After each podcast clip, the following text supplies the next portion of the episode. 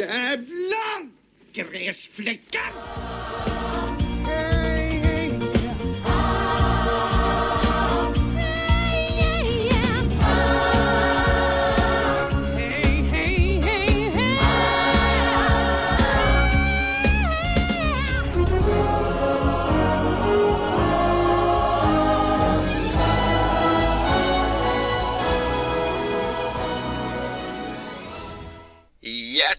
Välkomna ska ni vara allihopa till avsnitt 100 av Red Army Sverige-podden. Nej, hoppades på jubel från Adam och Mikael som var med mig. Jag innan så här om du, om vi, om vi kunde vissla. Det är du som inte kunde vissla. Och det visar sig här. Jo, ja men lite kan jag vissla. Lät som en praktikant. Praktikant. Ja. Praktikanter kan inte vissla. Nej, det kan de inte. Nej, eh, de kan inget tänkte jag säga. Nej vars. Eh, kul att eh, ni lyssnar allihopa som gör det. Jag eh, vet inte hur många som kan ha hängt med i 100 avsnitt. Eh, kan någon ha gjort det? Någon? Det hade varit kul att veta om någon har lyssnat på alla 100 avsnitt. Mm, faktiskt. Eh, Har du hängt med oss sedan början så skriv i kommentarsfältet. Du kommer gynnas på något Ja. jävla sätt. Vi älskar när ni det får stå kommer. för Ja. det Adam. får stå men vore Adam. kul. Ja. Då bjuder jag på Parma prosciutto. I, Vad ni får av Adam, det låter jag vara osagt. Mm. Jag vet inte fan om man vill ha det. Nej, jag hör dig. Men eh, avsnitt 100 i alla fall. Eh, jag har inte varit med från början ska jag väl säga. Nej. Eh, jag ramlade in för eh, ett år sedan. Jag har varit med halvvägs ungefär. Där någonstans. Jonas var med tidigare, men ni två är två gamla inventarier som, som står här. men fan jag har ju varit med i all... Nej, jag har inte alls varit med i alla avsnitt. Men 97 Nej. kanske. mm. Det är sånt. lite svagt. ja, du har varit lite, lite mer svagt. förekommande än mig Mikael. Du och Jonas, ni hade ju till och Mm. med ungdomsspecialer där ni satt och myste med varandra i Just ensamhet. det. Just det. det ska Men det har även funnits avsnitt där du inte varit med. Där jag vet Emil var med under sin debut, var varken du eller jag med. Sen har vi haft några avsnitt när inte Jonas var med, när du och jag satt och myste själva. Vi har även haft ett avsnitt du och jag med Jalkemo, tror David Selini, då jag satt som programledare.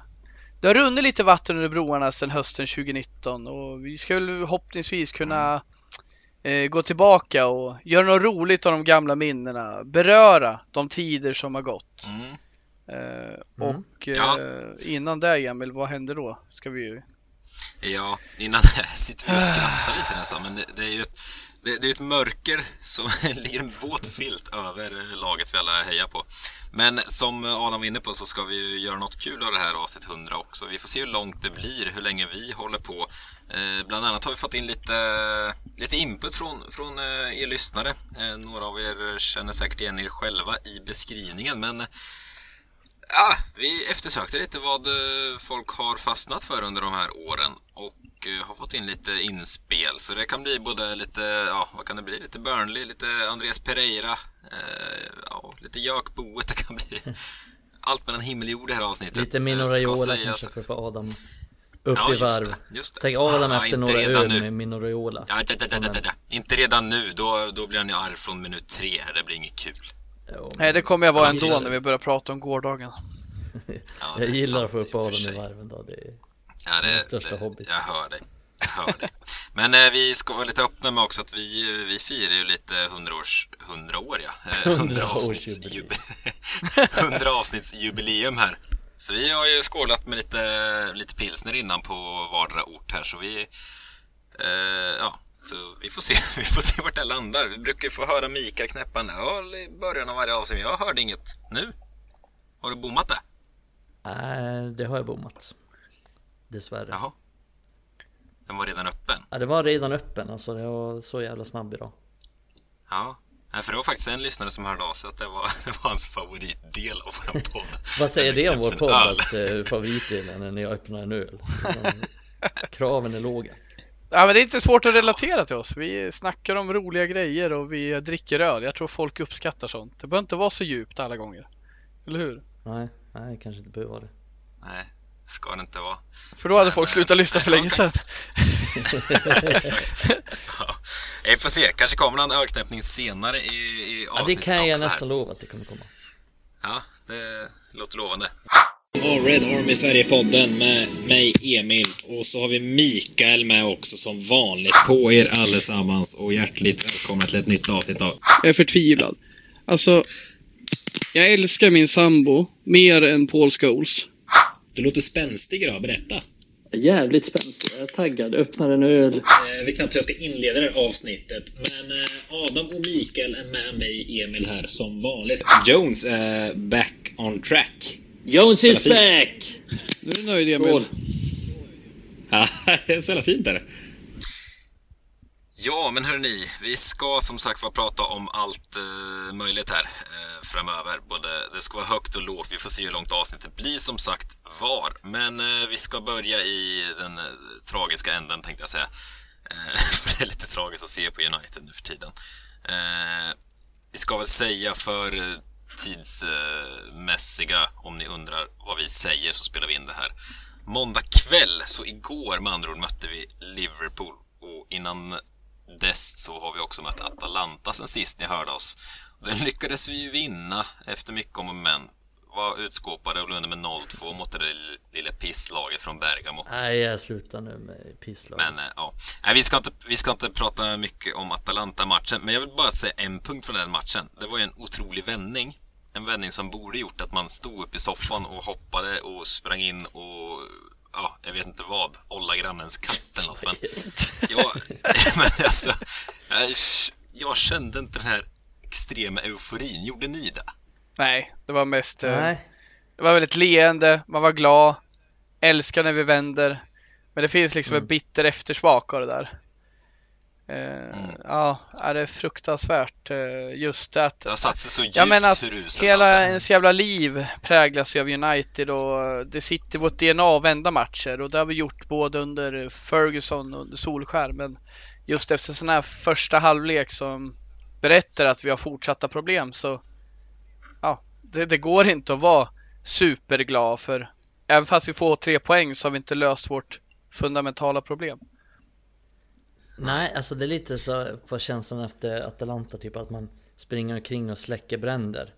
Och det känns som att Uniteds ledning är så pass inkompetent att man, man tänker att ja men den här vändningen mot Atalanta den är briljant liksom. Vi är på rätt väg nu. Men det är ju snarare så att man bara slänger ut allt man har och så kommer den här vändningen. För att man har så pass Ja, men som jag ser det, kan låta negativt så här mot Ole, men för att vi har så pass skickliga spelare så vänder vi den matchen.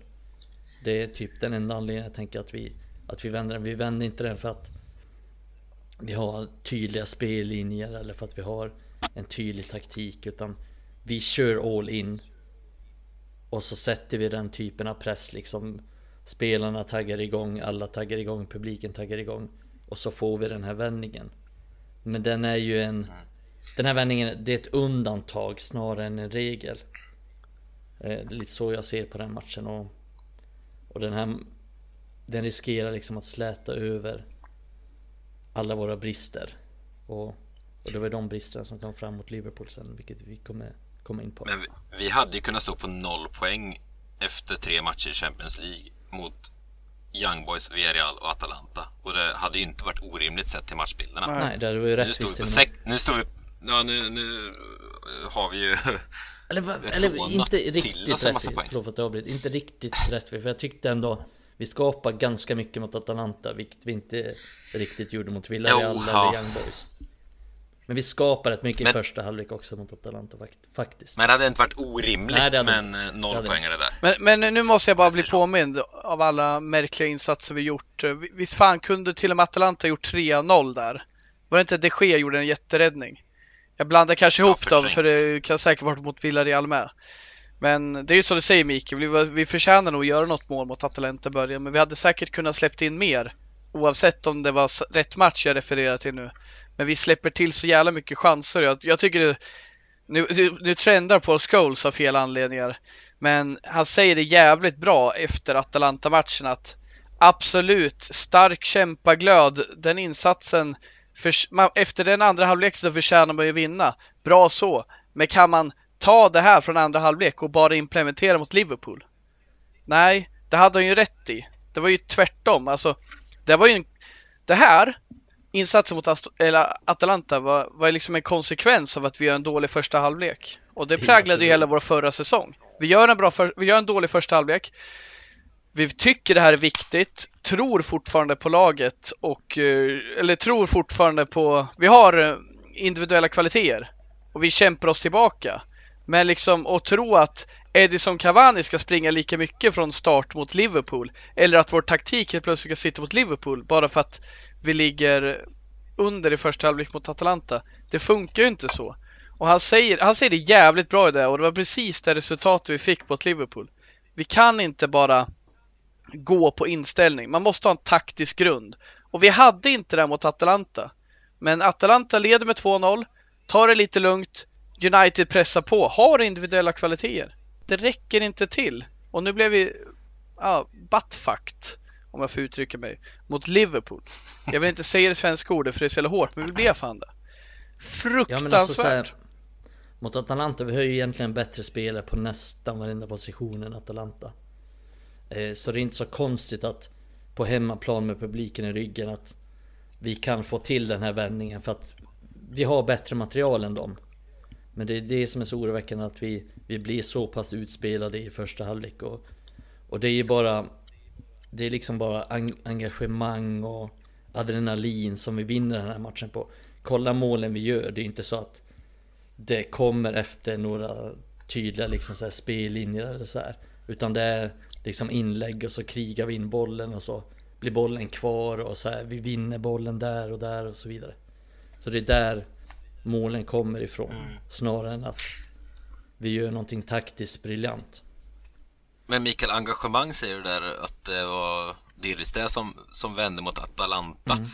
Det kan man inte påstå att det fanns mot Liverpool och det är väl, är det någon match det ska finnas engagemang i så är det väl när man möter Liverpool, liksom den största antagonisten man har i princip. Nej, Vad, vad hände där? För vi ska inte fastna kvar vid Atalanta för det var Men, men 100 år skillnaderna där är ju egentligen, det är egentligen ingen skillnad. Alltså vi, vi hade dålig inställning från början mot Atalanta, dålig taktik från början mot Atalanta. Samma mot Liverpool. Skillnaden är att vi hade ingen chans mot Liverpool. Mot Atalanta hade man ändå nos på ett mål och man visste att man faktiskt spelare för spelare är bättre, men mot Liverpool med en sån dålig start, släpper in mål tidigt, fortsätter släppa in mål.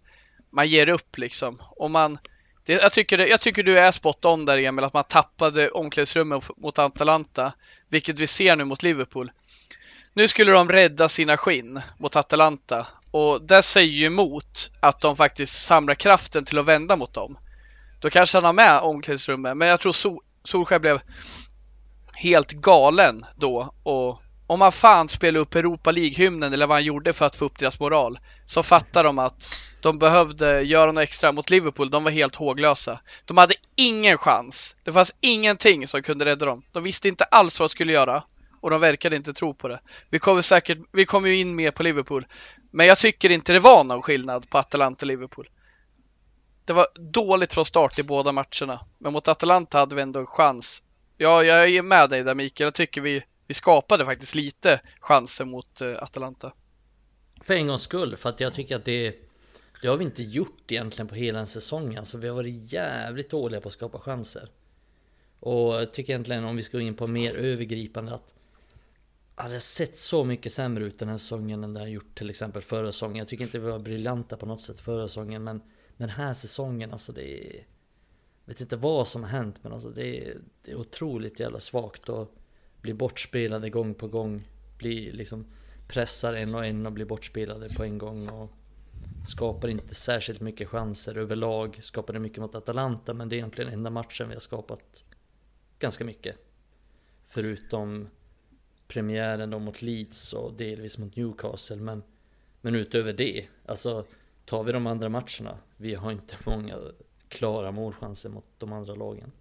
Förra Det- säsongen tyckte jag ändå vi var relativt eh, effektiva. Stabila. Att ja, vi men hade- vi relativt stabila ändå också. Ja, ja absolut. Nu Alltså, är vi inte stabila överhuvudtaget. tänkte komma till att vi, vi var relativt effektiva. Det är klart vi sumpade chanser, men Mm. vi, ska, vi gjorde rätt många mål på relativt få chanser jämfört med an, Men, men det alla är vi andra nu lag. också. Vi är effektiva den här säsongen också. Förutom mot Atalanta, då var vi inte särskilt effektiva. Eller jo, vi fick ganska bra utdelning Jag andra tycker mot Villarreal var vi också ganska bra i första halvlek, men Alltså vi, vi borde kunna göra mer mål på de chanserna vi får. Jag tycker att... Men eh, har vi... Tycker att vi borde Men fler mål på de chanserna vi får. Tycker inte vi skapar nästan någonting. Nej, alltså. Vi skapar inte tillräckligt med chanser. Nej, jag tycker, jag tycker vi var mer effektiva förra säsongen. Jag tycker Ja, vi hade alltså, bättre anfallsspel förra säsongen. Vi, alltså, Jo, det, det tycker jag också. Mm. Men jag tycker att vi ändå har varit väldigt effektiva den här säsongen. Sett till de få chanser vi skapar. Alltså, vi skapar inte många chanser mot West Ham och vinner med, liksom med, med 2-1 borta där. Mm. Till exempel. Och vi skapar inte många chanser mot SA-15. Eller mot något annat lag heller. Vi är ganska, ändå ganska effektiva sett till de chanser vi har skapat. Det är väl Atalanta som jag känner att vi är ganska ineffektiva. Men utöver det så känner jag att vi är ändå ganska effektiva den här säsongen. Så det tycker jag fortfarande Det är en bra sak under Ole att vi gör oftast mål på de chanserna vi har. Tycker jag. Men kan, är det alltså bara en tanke det som kanske är slår mig. värre. Alltså, vi har ju gjort mycket mål i början på säsongen. Det ska vi ha. Jag tycker ändå vi sumpar ganska mycket chanser. Alltså Ronaldo sumpar en del. Jag tycker vi har liksom några stolpar. Ja men det är väl alltid så liksom att man gör inte mål på alla chanser man har. Nej men det här tyckte vi gjorde med United förra säsongen. Vi hade, vi hade liksom tre bra chanser och då gjorde vi tre mål. Vi gjorde ofta tre mål förra säsongen.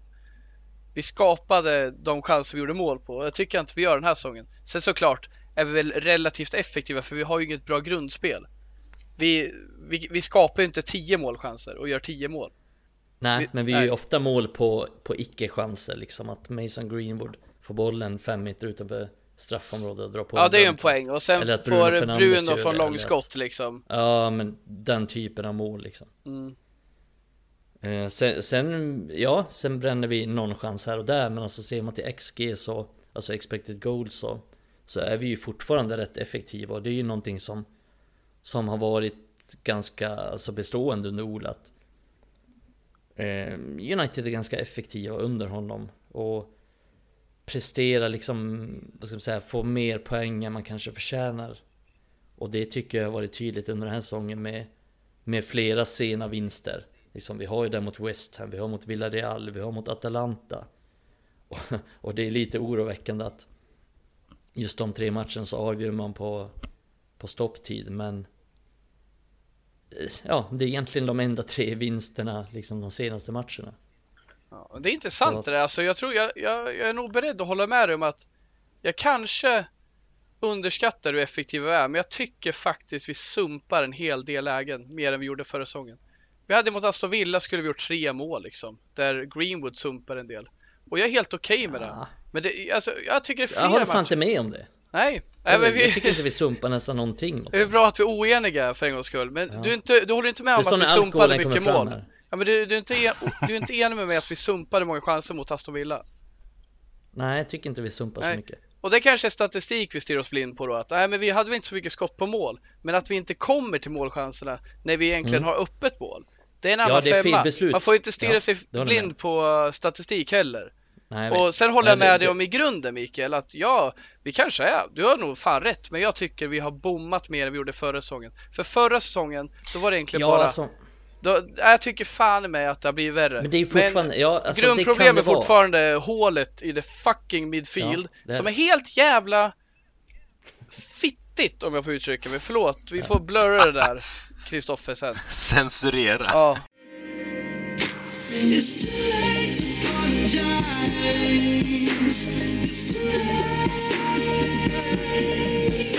men alltså. Ja men det är det största jävla problemet, vårt mittfält. Och vi, vi spelar Ja, ingen roll vilka mittfältare vi har på centralt mittfält. Vi har testat, Nej.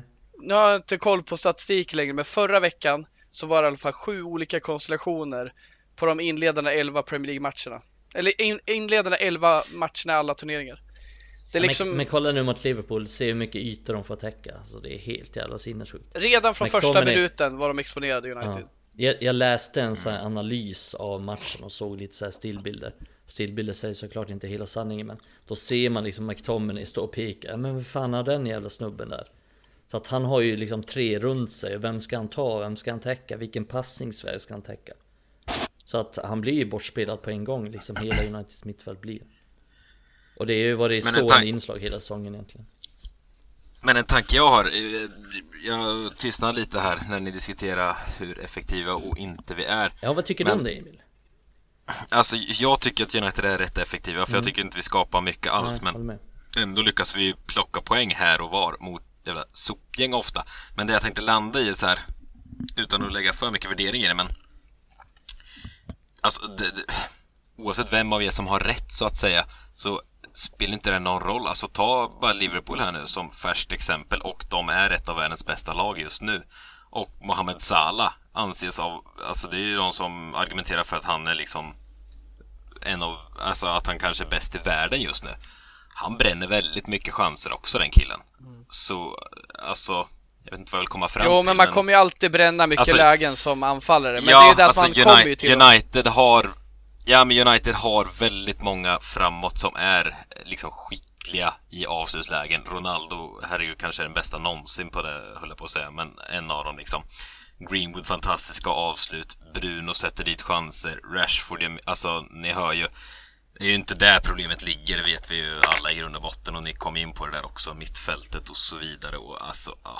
Ja, det finns mer problem än att vi det är ingen som kan dra kortet att vi bränner för mycket lägen. Då har man inte Nej, så är det. riktigt förstått. eh, Då, då, Nej, med ett bättre spel Ja. skulle vi komma till fler lägen och det skulle generera fler Verkligen. mål. För vi ska ju alltid ha en, då vi hade- ska alltid ha en med i kalkylen att vi kommer kunna bomma många lägen. Så är det ju. Men eh, ja, Ja, ja, men jag- alla nej, men lag då har hade du inte... lägen liksom. ja, Jag fattar inte det, Ja. det är alltid en sån här grej. Ja men United är ineffektiva, Rashford missar många chanser. Ja men alla missar chanser. Du, om du kollar på de andra stora lagen. Det är inte så att Gabriel Jesus gör mål på exakt varenda 100% målchans han får. Utan han missar också chanser. Men det är, det är så lätt att bli... Missar för fan Ja chansen. men, det, Alltså, alla gör det. ja men det är så lätt, exakt. Det är så lätt att stirra sig blind på sitt eget lag. För då ser man exakt varenda sekund av den spelaren.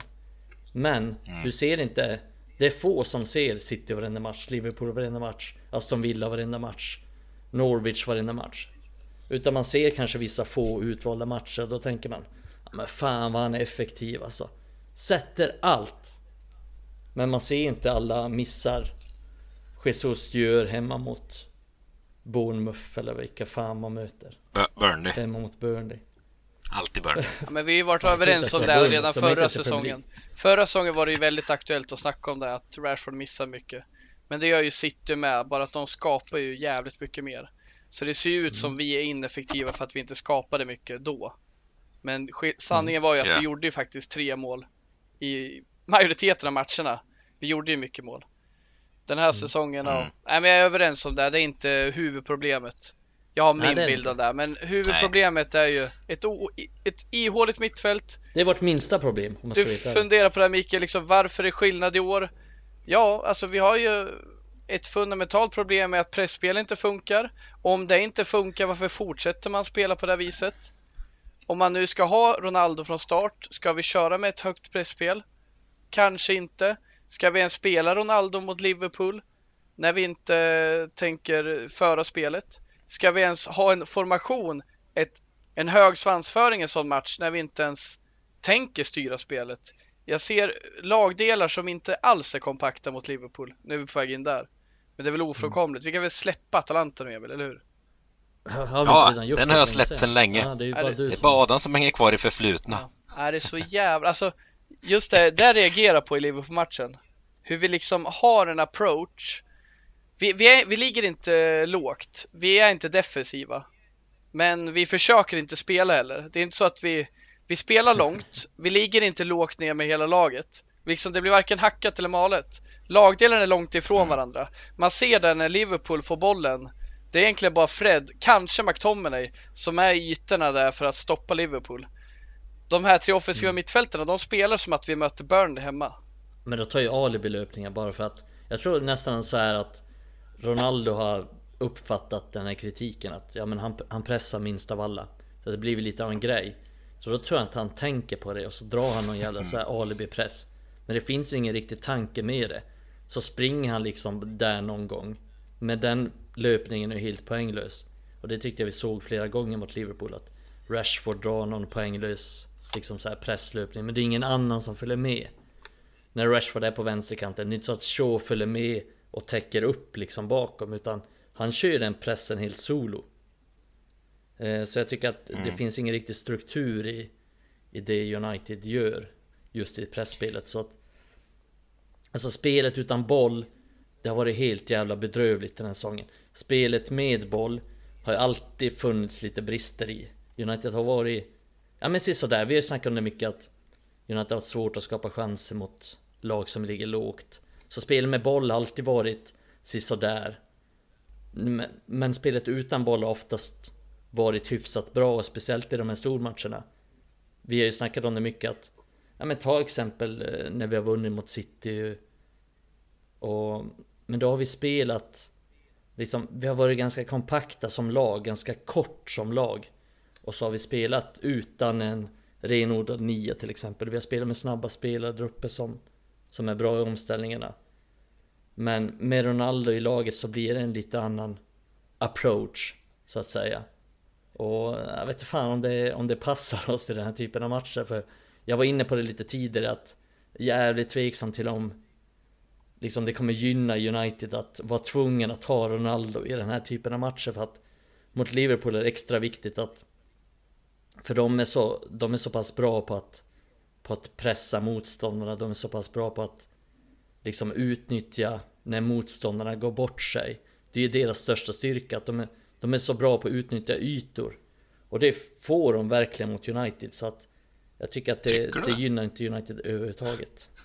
Att spela med den här uppställningen och med de här typerna av spelare och, och där har ju Ole hamnat lite i en Han har hamnat lite i kläm så. Han, han kan ju inte bänka Ronaldo den här matchen liksom. Han kan ju inte göra det. Men Nej han borde nästan gå tillbaks till basic alltså liksom. För att vi är inte, alltså om vi säger Vi är inte tillräckligt bra för att styra den här matchen. Och det, och det sa vi ju, det snackade vi om innan med Ole så att Ja men för att han ska ta nästa steg, ja då måste vi kunna dominera den här typen av matcher. Eller i alla fall ha Spela jämnt med dem på mittfältet liksom och Kunna ha lite mer bollinnehav, kunna styra matchen lite mer. Men, men det kan han ju inte fixa liksom, han är inte kapabel till det. Men då borde han åtminstone gå tillbaks till basic att Ja men fan vi ligger lågt, vi ligger kompakt. Och så spelar vi liksom raka bollar. Fred vinner boll så spelar han en rak boll på Rashford och så kontrar vi med Rashford, Greenwood Bruno Fernandes och så vidare och så vidare. Martial kanske Med lite snabba spelare. Men nu har ju någon slags Med Ronaldo i laget, då har ju fått någon slags så här förväntan att Ja men nu ska vi dominera matcher men Vi blir totalt jävla utspelade och exponerade mot Den här typen av motstånd med den inställningen och med den uppställningen.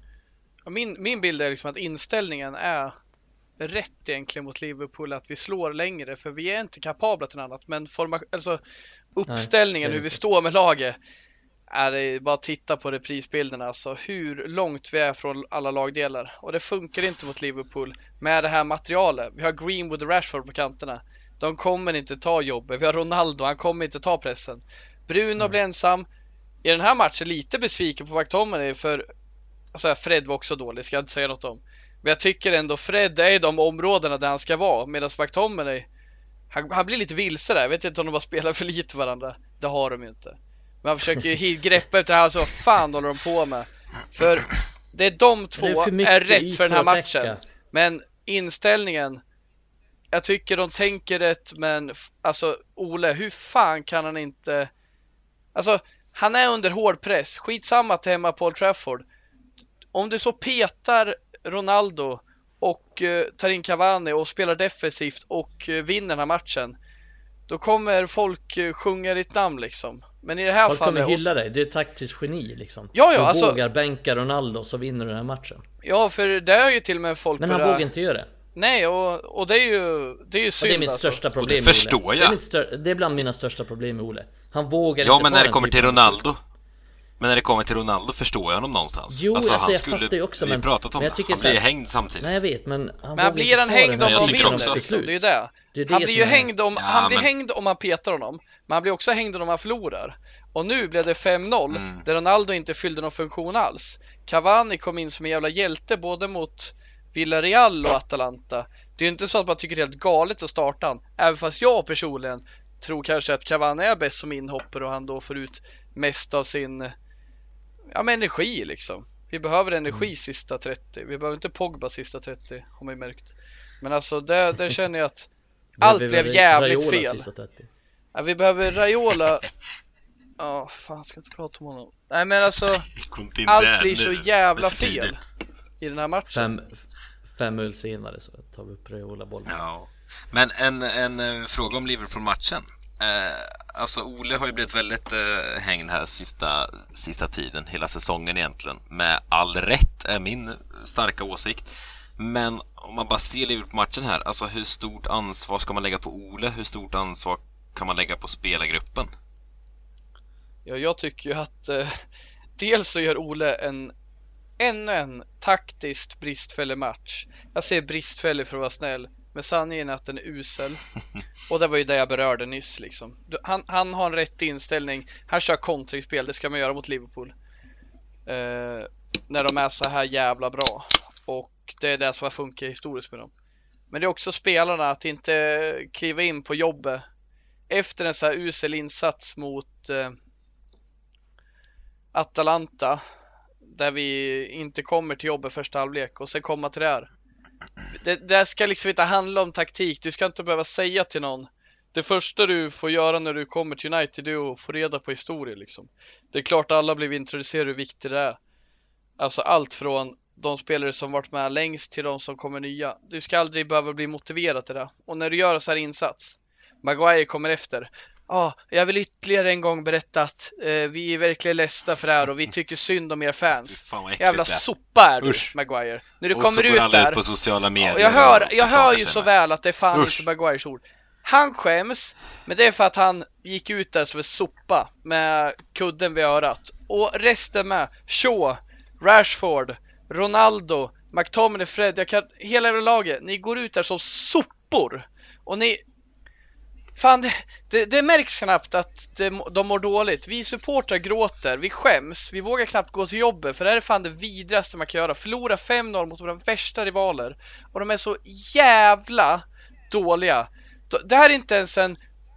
Det här är inte ens en vanlig dag på jobbet. Det här är... Det här är liksom... Sjukanmäla sig och aldrig komma tillbaka, så illa är det. Det här är så jävla bara- dålig moral. Och... Ja, jag börjar ju fundera så här liksom. Jag, jag tycker Ole ska ut. Men jag börjar fundera på när han går ut kan han ta med sig hälften av startelvan nästan. För det finns spelare här som alltid tycks sviken när det väl gäller. Som alltid kommer tillbaka till att bara kliva undan. Ja. jag tror Och jag- att de här spelarna kan bli bättre under en annan tränare, det vill jag säga. Men jag märker ju också många som varit kvar här länge, hur de bara faller ur ramen helt plötsligt. Pogba, Shaw. Spelare som kan vara så jävla bra, men som helt plötsligt bara kan lämna jobbmössan på kroken och dra hem. Medan vi supportrar sitter och bölar liksom. Ja, det, det får man ju ifrågasätta liksom just Det är två bra exempel där, typ Shaw och Pogba Hur är det med deras mentalitet egentligen? Det är en jävligt bra fråga och, och ni vet ni som har lyssnat på podden att jag skyddar ofta spelarna För att Jag tror att det är jävligt svårt att prestera ett lag som inte är Sammanhållet, som inte är strukturerat. Alltså typ, jag snackar ofta om mittfältet där med Fred och McTominay att Det är svårt att täcka så mycket ytor och Jag tror Skål sa det också att En som kan mittfältsspel att Det är helt omöjligt att göra någonting Som mittfältare i United, alltså de har för mycket ytor att täcka så det Det är liksom, jag tror att Skål sa att det är ingen som klarar av det i hela världen. Det spelar ingen roll vilka mittfältare du har. Har man så mycket ytor att täcka så så, är så blir det en omöjlig uppgift Men just den här matchen alltså Inställningen hos spelarna Så jävla besviken på det Fy fan vad jävla dålig inställning och Att de bara går ut och gör den här jävla insatsen och inte tar jobbet och Liksom inte står upp för United mot fucking Liverpool på hemmaplan Liverpool gör fem mål på hemmaplan Eller på bortaplan mot United Och slår av på takten Ja, därefter. ja, det är så jävla sjukt alltså. United har varit bättre än Liverpool än i hela min jävla uppväxt. Men varje gång vi har varit på Anfield så har vi fått det svårt. För att de har gjort jobbet. De har inte varit lika bra som United. Vi har haft Ferguson, vi har vunnit med 1-0 någon gång. Det har blivit oavgjort, vi har förlorat och så Vi har vidare. och mött så vidare. Jay Men Spearing! vi har aldrig vunnit med 5-0. Christian. Poulsen, För att vi har de mött har David alltid gjort jobbet. De har alltid gjort Jussi jobbet. Benayoun. De har alltid Ja. gjort Det jobbet handlar inte om oss. kvalitet, det är hjärta. Nej, De har alltid- det handlar inte om ja. kvalitet. Ja. De har alltid jävla stått upp för sitt fucking jävla klubbmärke. Och det är, de här spelarna som går ut här, de, de stod inte upp för United, de stod inte, stod inte upp för klubbmärket, de gjorde fan ingenting. Så Det är så jävla fy råttor, de kommer jävla ut, de kommer ut efter halvtidspausen. Det är ett par spelare som tar några gula kort och sen snart har Liverpool gjort mål igen. Det är som att de kommer ut, det är som att Solskjaer skriker ja det ska ni fan ut och visa att de älskar den här klubben. Du kan inte få dem att älska klubben, det är, no, det är en kultur. Antingen älskar du dem, då går du in från minut ett och visar vart fan skåpet ska stå. Det spelar ingen roll då, som du är inne på Mikael, att man är United, det bästa lag i hela världen. Liverpool möter United på sin hemmaplan och de får fan inte en jävla tum. Och vi vann matcher ändå för vi var så jävla bra. Men Liverpool gav oss alltid en match. Det här vi gör nu, Alltid det match. det är Alltid det match. mest pinsamma som har hänt över, på Ja. över hundra år på Old Trafford.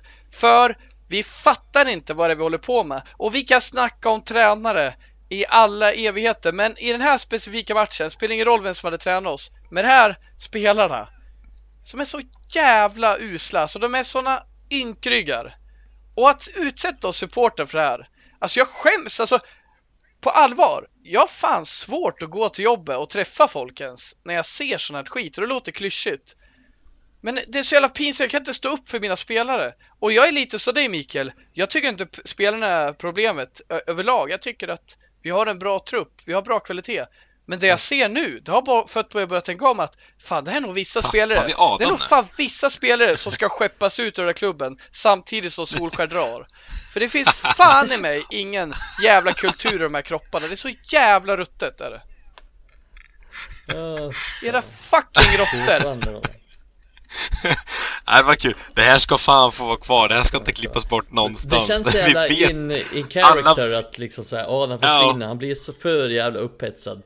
Så jävla kul. Så Ljudet sprack så Adam försvann för han var så upprörd. Och alla vet vad han sa, så vi behöver inte ens klippa och ta om det här. Det. Så jävla rimligt. Jag började bara tänka, är det jag som försvann eller? Men sen bara, hallå Emil? Nej, jag funderar också. Är min röst tillbaka Kul. nu, Adam, ja nu är du här igen. Kul.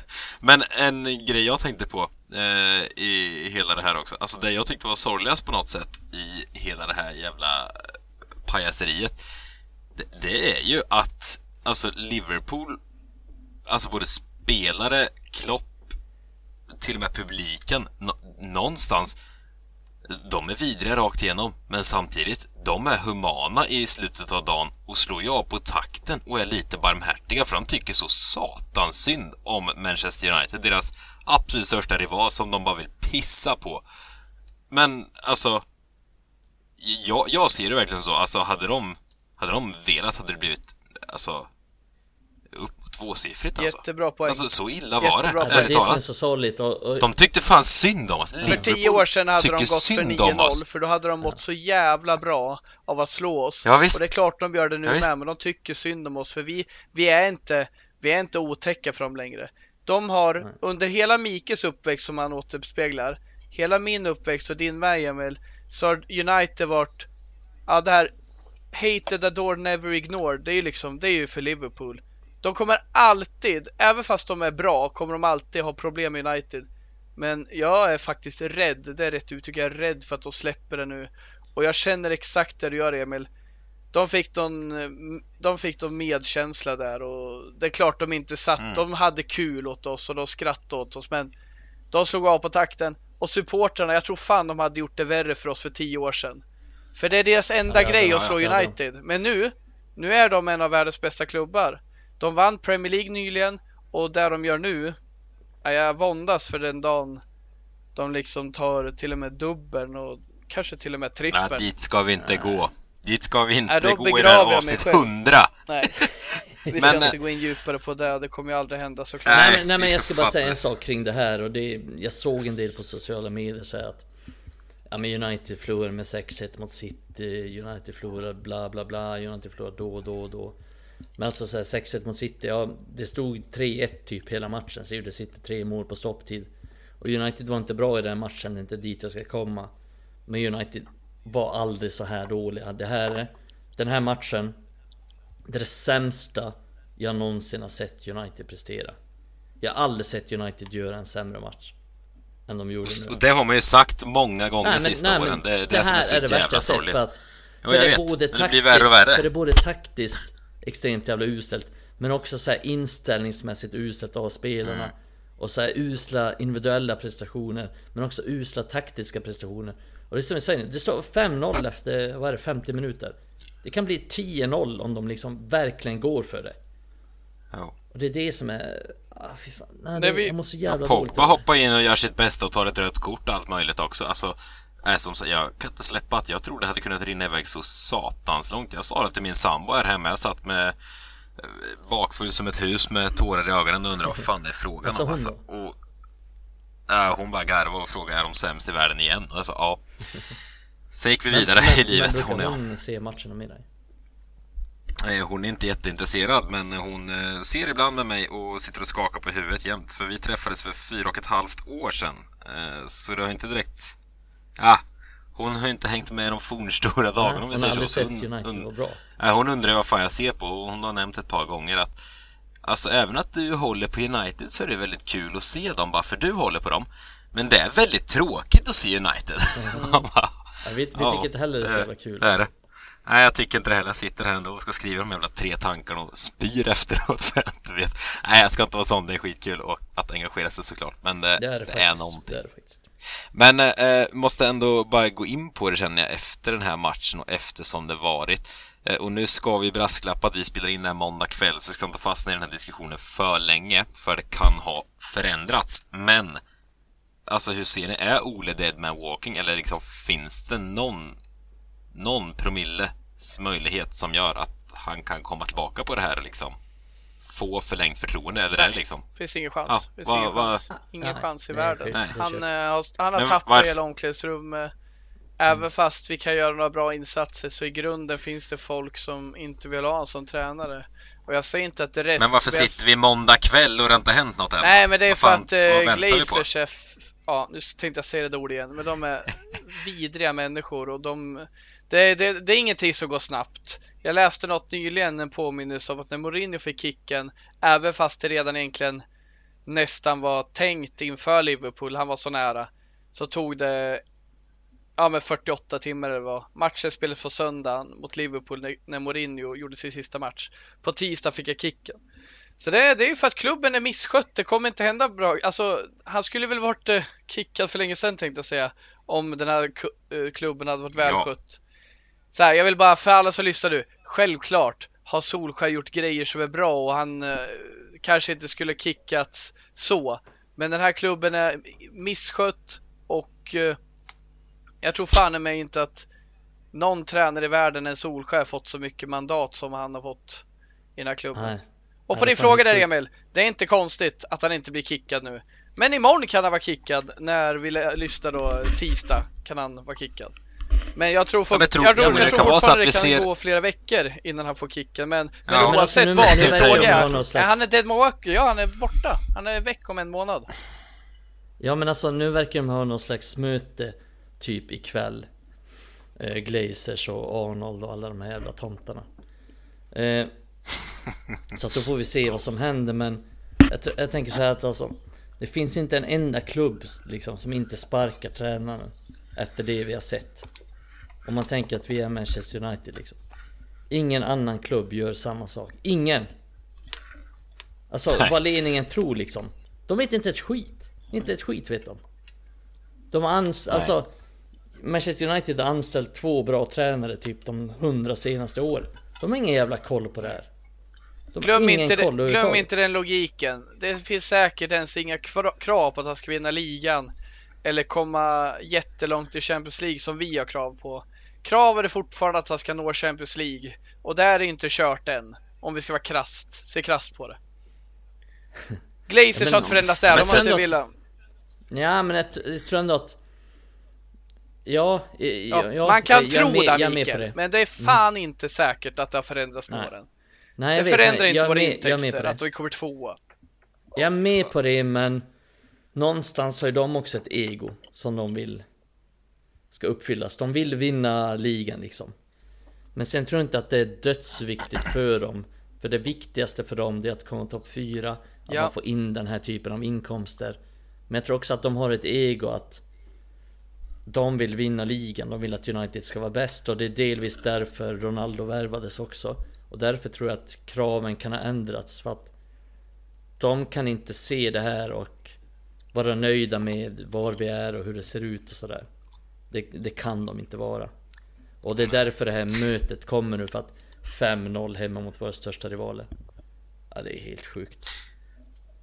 Men alltså, någonstans, ja, det är två, två bra tränarrekryteringar. Ja, två bra rekryteringar på tränarbänken sista hundra åren, eller vad du raljerar kring där.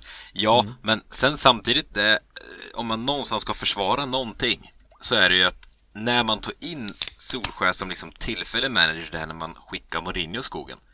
Det vill jag fan hylla än idag. Då det precis rätt. Ta in Solskär som kunde komma in med sin jävla lusekofta från Norge och bara få in lite god stämning. Och han gjorde flera åtgärder som var kanon. Och han har gjort flera grejer och han är ju en omtyckt personen. Solskär verkar fantastisk alltså. Ja, de verkar Men- honom. Det där har du en Alltså, jättebra ja, poäng sen- Emil.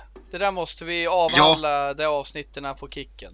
Nu måste jag fan Ja, gå och kissa, absolut, jag håller men- på och spricker hela bubblan. Ja. Ja, men sen bara gå problemet vi, är ju vi, sen... kan, vi kan snacka, jag snacka måste runt. Jag har redan varit två gånger medan du höll någon jävla monolog så har jag Ja, redan varit. exakt. Kör för fan. Ja. Jag fortsätter. Vi, vi fortsätter här. Nej, men eh, grejen är ju sen att när, när, när liksom smekmånaden med Solskär där var över, man, man såg ju att det här är inte optimalt. Det här är inte kanon. Och är det någon jävla turseger bort mot PSG.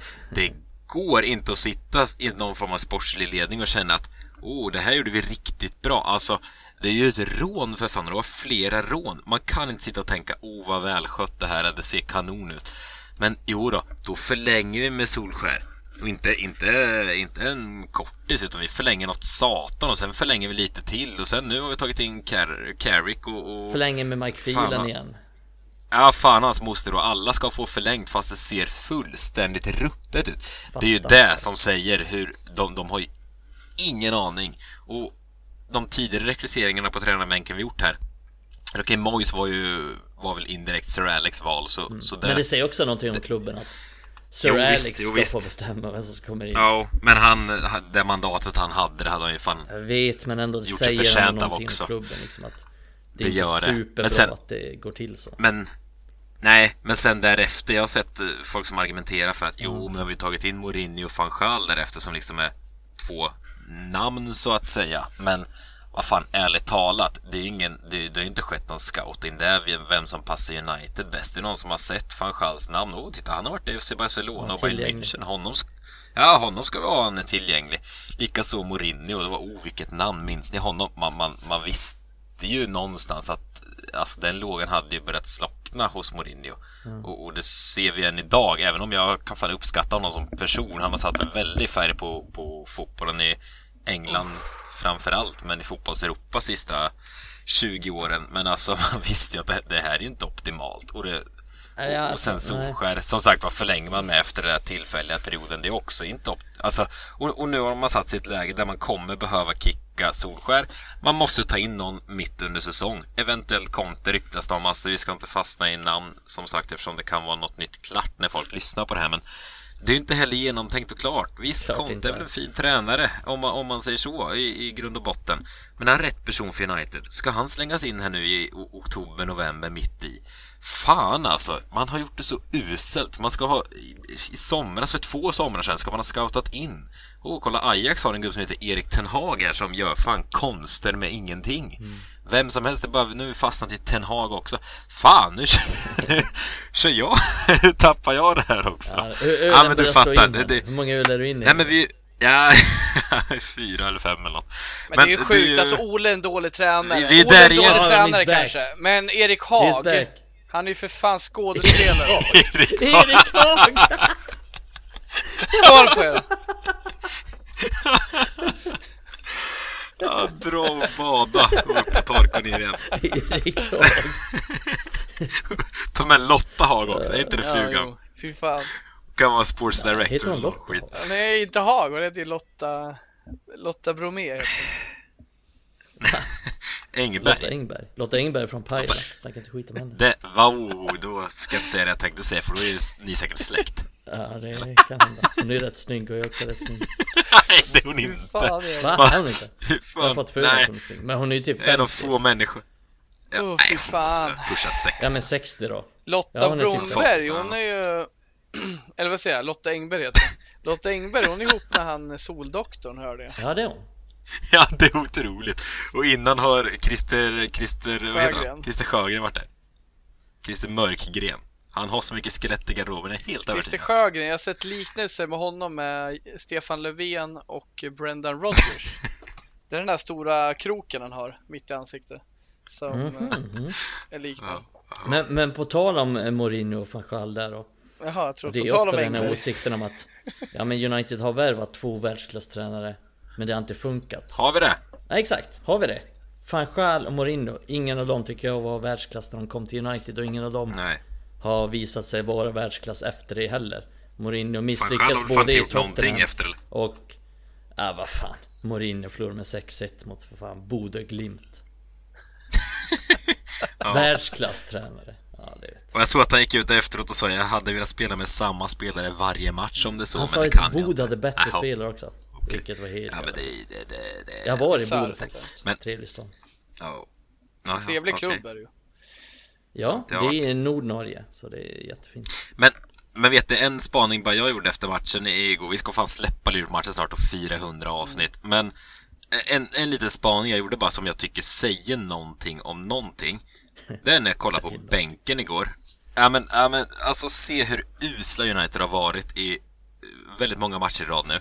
Framförallt på mittfältet, det var enorma problem. Och det här är ingenting mot McTominay, Fred, eh, Bruno, fan hans moster som spelar där samtidigt lite mot dem. Men det är inte där grundproblemet är. Men när man kollar på bänken och då ser jag fem spelare där som jag bara fick upp ögonen för. Där ser jag Matic, Pogba, van de Beek, Lingard, Sancho.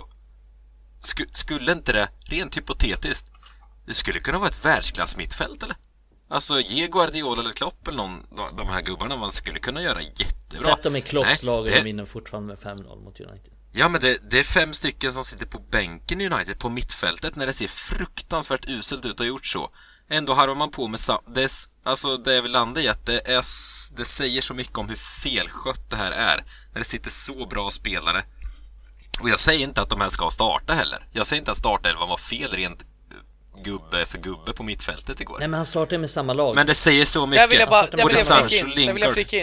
Solskjaer säger att Adam spelar. Håll käften Adam, gör först Han startar med samma lag som han gjorde mot Atalanta Ja, och det var för Helt att han lag. tyckte att de spelade bra mot Atalanta.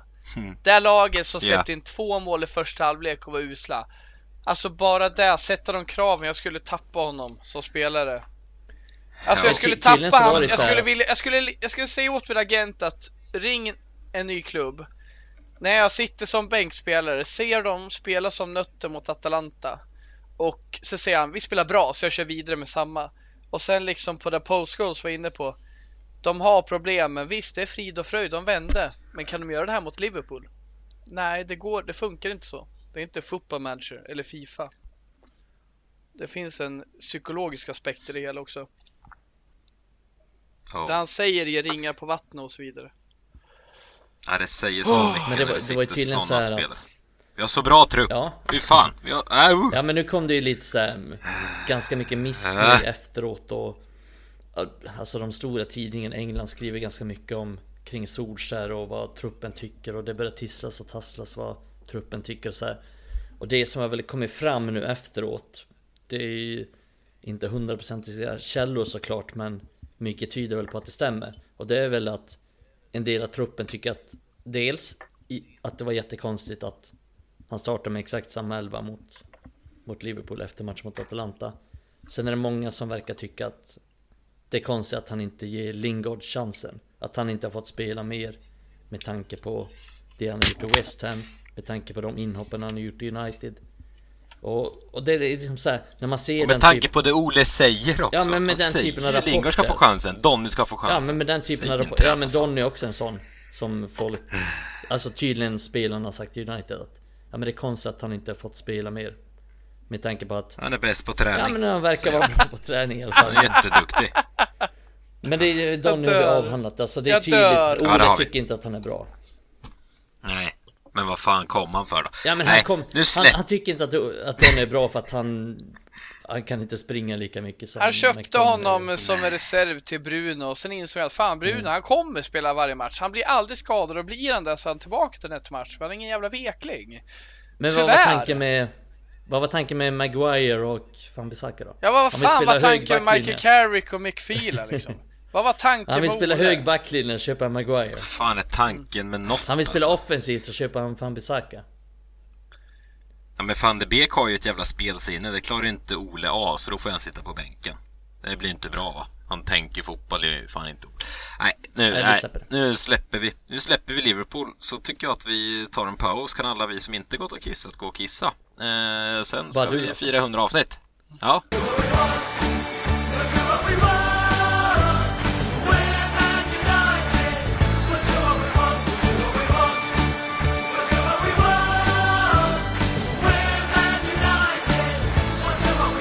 Ja, andra halvlek av avsnitt 100 så har vi sagt Ja, ja, ja.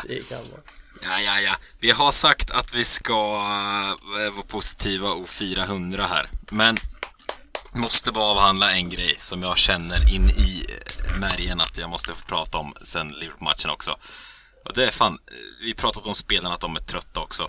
Men alltså den här enorma bristen på ledarskap i det här laget alltså. Eller i gruppen som sådan, det, det gäller ju fan ledarstaben också. Men om vi pratar spelargruppen nu. Alltså det finns inga ledare i det här laget och så springer Harry runt med kaptensbindeln och ser ju vekas ut av alla. Harry. Alltså, precis vilsen ut. Harry Fruktansvärt.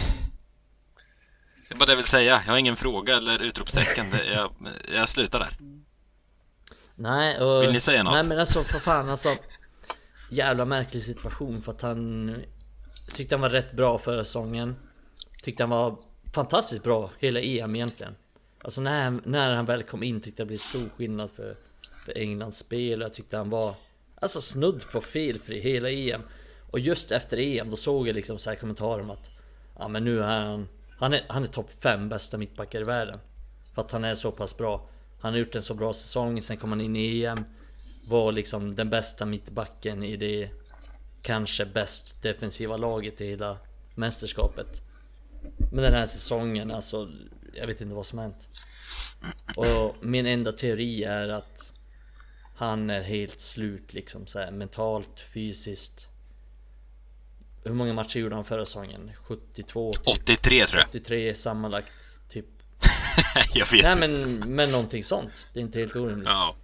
Jag tänkte att det är överdrivet, men det kanske jag inte gjorde. Nej men jag har för mig att han gjorde typ 72 matcher eller någonting sånt Sjukt. eh, Och Jag började tänka om att Ja men så här dålig som han är nu Det är han ju inte Men Han har varit så Men, eh, jävla han- dålig den här nu- säsongen Och Luke Shaw har tror- varit så jävla dålig den säsongen och Sancho har inte imponerat eh, Ja, men vad fan, vi skulle prata kapten nu. Jaha Ja, i fan är alla andra spelare här. Men en... Ja men ingen av dem det är ville- kapten Shaw är ingen kapten Nej, det är de inte. Men det jag ville landa i, tror, tror ni att eh, kaptensbindeln tynger Maguire? Alltså, vissa spelare höjs ju med det ansvaret tror jag, men tror ni att han är en spelare som eh, tyngs av det? Ni har ju min åsikt i det hela. Alltså tyngs och tyngs Jag vet inte, han verkar inte vara så jävla smart. Men Nej, jag Ja alltså kanske, det kanske det gör, jag vet inte Ehm, Men jag tror, har jag tror inte han al- är kapten, alltså såhär kaptensmaterial för United överlag Eh, Jag Nej. tror inte att han har det i sig, han jag kan, jag kan liksom inte se han stå och skälla ut världsstjärna efter världsstjärna i ett omklädningsrum. Eh, Så jag tror inte att han är en långsiktig kapten för United. Sen tror jag att han är kapten för att det inte har funnits så bra alternativ. Och sen tror jag att, Det är känslan. ja det är känslan. Och sen tror jag att Bruno Fernandes kanske hade varit kapten. Men nu kom ju Bruno lite in, eller nu kom ju Maguire lite innan. Så jag tror att hade det liksom varit, hade de kommit exakt samtidigt då tror jag att han hade valt Bruno som kapten istället. Om man ska vara helt ärlig. Eh, nej, så jag, jag, jag tycker inte han, han är inget kaptensmaterial. Men jag förstår att Ola har tagit det beslutet för att det har inte funnits något särskilt tydligt kaptensmaterial i, i den här klubben. Och då kanske Nej. han har varit det minst dåliga. Helt enkelt. Adam, Jag är ju inte du har någon helt- åsikt där. Vad fan har du gått i det? Kanske har försvunnit Nej, här. jag- Gapat och Jag skrikit så kan väl faktiskt skriva under på det. Jag tänkte hugga in med det om ingen annan sagt det. Att, eh, han var väl det bästa alternativet när han fick binden. Men när Bruno kom, om Solskär fick välja fritt utan att det påverkat någon. Och det hade såklart påverkat Maguire negativt om han efter ett halvår satte in Bruno där när han kom in i ja. januari. Mm. Eh, Bruno är ju allt Ole vill ha. Det är, det är liksom drivet, det är pondusen, det är kvaliteten. Och det är väl egentligen den spelare jag ser i vårt lag som faktiskt vill mest. Vi ligger under mot Liverpool och Ronaldo gör någon galen spark mot Liverpool-spelare när han ligger ner för att han är frustrerad. Bruno kommer och trots denna galna grej från Ronaldo så puttar han undan Liverpools mest pondusfyllda spelare, van Dijk. Och hade van Dijk puttat Mané, tillbaka sa du. hade Va- van Dijk puttat tillbaka hade nog Bruno spöat honom tror jag. Alltså det finns en sån jävla gnista i honom som jag inte ser hos Maguire. Jag, alltså jag Nej. såg han, att han, Maguire han har hade... ingen gnista överhuvudtaget. Jag såg chansen för Maguire att visa en gnista efter matchen mot Liverpool när vi förlorade mot 5-0 men istället så står han där och säger precis vad hans sociala, manage, sociala medier manager säger att han ska säga. Och jag tror inte Bruno hade gjort det. Bruno hade sagt det är inte bra nog. Han hade, alltså han hade sagt allt vad han själv kände med ramarna inom för vad man bör säga för att vara ett proffs. Men Maguire, han var en robot. Bruno med, å andra sidan kom ju Bruno med den här patetiska ursäkten efter straffmissen. Som Ja, var det var. uppenbarligen någon sociala medier. Ja. Men, jag, men jag fattar vad du menar, alltså jag fattar vad du menar. Ja, det Bruno är en mycket större ledare än vad Maguire är. Alltså om vi, om vi snackar så här ledare på planen men också utanför. Jag kan inte se Maguire skälla ut den här truppen liksom. Jag kan inte se hans höja rösten. Jag kan inte se honom, Nej, jag kan inte se honom säga någonting i omklädningsrummet, ärligt talat. Men eh, ja, jag är dock inte helt övertygad och såld på eh, idén om att Bruno skulle vara en fantastisk kapten som många andra. Nej men han är väl, Jag- mest, jag hör- han är väl bäst helt enkelt. I, Jag hör, ja, men jag, jag hör ju era eh, tankar och, och liksom vad han skulle vara bra på, men det, det problemet jag har med Bruno i så fall, som hypotetisk kapten, det, det är ju att han är lite för det här gnäll i slutet med armarna och ni vet den den stilen, det känner inte jag, eh, det vill man inte ha som kapten eller det här. Vem skulle vilja ha tår... kapten? Nej, det är ju det är det det finns Det finns väl inget alternativ. optimalt idag. Så är det ju. Nej. Vi, vi utgår ju från att den bästa kaptenen man kan ha De bästa kaptenerna man kan ha idag det är, ju Steve Bruce, det är Roy Keane och det är eh, Nemanja Vidic Och tills dess Brian att vi har någon Robson. sån Exakt Där har vi riktiga kaptener Men har vi liksom Ska vi jämföra med vad vi har idag? Det är, det är så jävla Man greppar jag- efter halmstrån Och jag tycker ju Bruno är det bästa idag Ja, hade jag klivit in nu som, som tränare utan eh, konsekvenser hade jag nog tagit alibi-valet och skickat på de Gea binden typ. Nej, bara för att han har varit med i hundra år och han är målvakt och står där. Ja, men det säger någonting om Ja någonting men också. någonting Nej, principiellt emot liksom så att målvakter är lagkaptener. Men också att det sker. Han ska inte ens skälla ut Adams barn. nej. Och de behöver skällas skulle ut det? Nej men ni förstår vad jag menar. Han skulle, han skulle vara underlägsen. Nej, jag jag fattar han skulle inte. vara Jag fattar underlägsen inte. där. Ja, ja. Nej, hörni. Nu ska vi fan fira... Nu ska vi fira eh, 100 avsnitt, va? Det ska vi göra, nu jävlar, nu Det smäller ska vi göra. Nu jävlar. Nu är det fest. Börja... Tror jag Adam började prata som han inte hörde att jag öppnade den. Ja, det var synd. Eh. Men... Eh, Ingen hör det. Ja, som sagt, det- det här avsnittet kan bli eh, längre än vad de brukar bli, men eh, vad, eh, ni, som sagt, ni har ju varit med båda två eh, sen eh, starten eh, i mer eller mindre alla avsnitt när det kommer till Mikael och Adam har ju trappat ner lite på slutet sen du blev åttabarnsfar. Men eh, Men eh, 100 avsnitt har gått ändå. Vad, bara spontant om någon sä- säger Red Army Sverige-podden till er, vad tänker ni på då? Är det något särskilt minne eller så som kommer till er? Eller är det en alldeles för eh, bred och konstig fråga? Ja, du frågar oss nu? Ja, jag jag frågar er. lyssnarna. Nej, Red Army nu frågar jag Sverige-podden. er. Lys- Härskarteknik och Adam. eller? Nej, Lyssnargrejerna ska få komma in också. 100% Deras åsikter. härskarteknik av Adam. Ja, allt. Nej men eh, min jävla spontana svar på den frågan som är väldigt öppen det är ju liksom det är att jävligt alltså man, Som man, är väldigt öppen. ja, jag tror det jag tror det är väldigt eh, jag tror det är väldigt kul att lyssna på oss. Vi kanske inte alltid varje minut som vi spelar in eh, pratar om Jag sa inte att du skulle säga vad som var bäst Nej, med oss, så vad du kommer vad jag ihåg. kommer ihåg. Ja, bara massa elände. Vi har ju spelat in det här i Jaha. två år och vi står ju kvar i mångt och mycket på eh, Jag tycker att eh, det är inte så jävla mycket som har förändrats mer än eh, hur podden utvecklas då. Men eh, vad är våra minnen från Red utveck- Sverige? Det är Vi har fått fler lyssnare. Ja, vi har fått fler lyssnare. Vi har raljerat en del. Men vi har alltid blandat eh, det senaste från United med, med lite allmän diskussion om allt möjligt skit. Jag tror inte det finns något jättebra svar, Emil. Har, har du någon, något spela in med där, Mikael? Fan vad öppen fråga du ställer, Vad var frågan? Jo, men jag är nöjd att vara programledare och bara kunna skicka ut såna här eh, konstiga frågor och sen hamnar ni på pottkanten. Jag Nej men alltså inte svara jag på den känner så frågan. här, det är svårt att svara på det eftersom man själv är med i podden så att säga.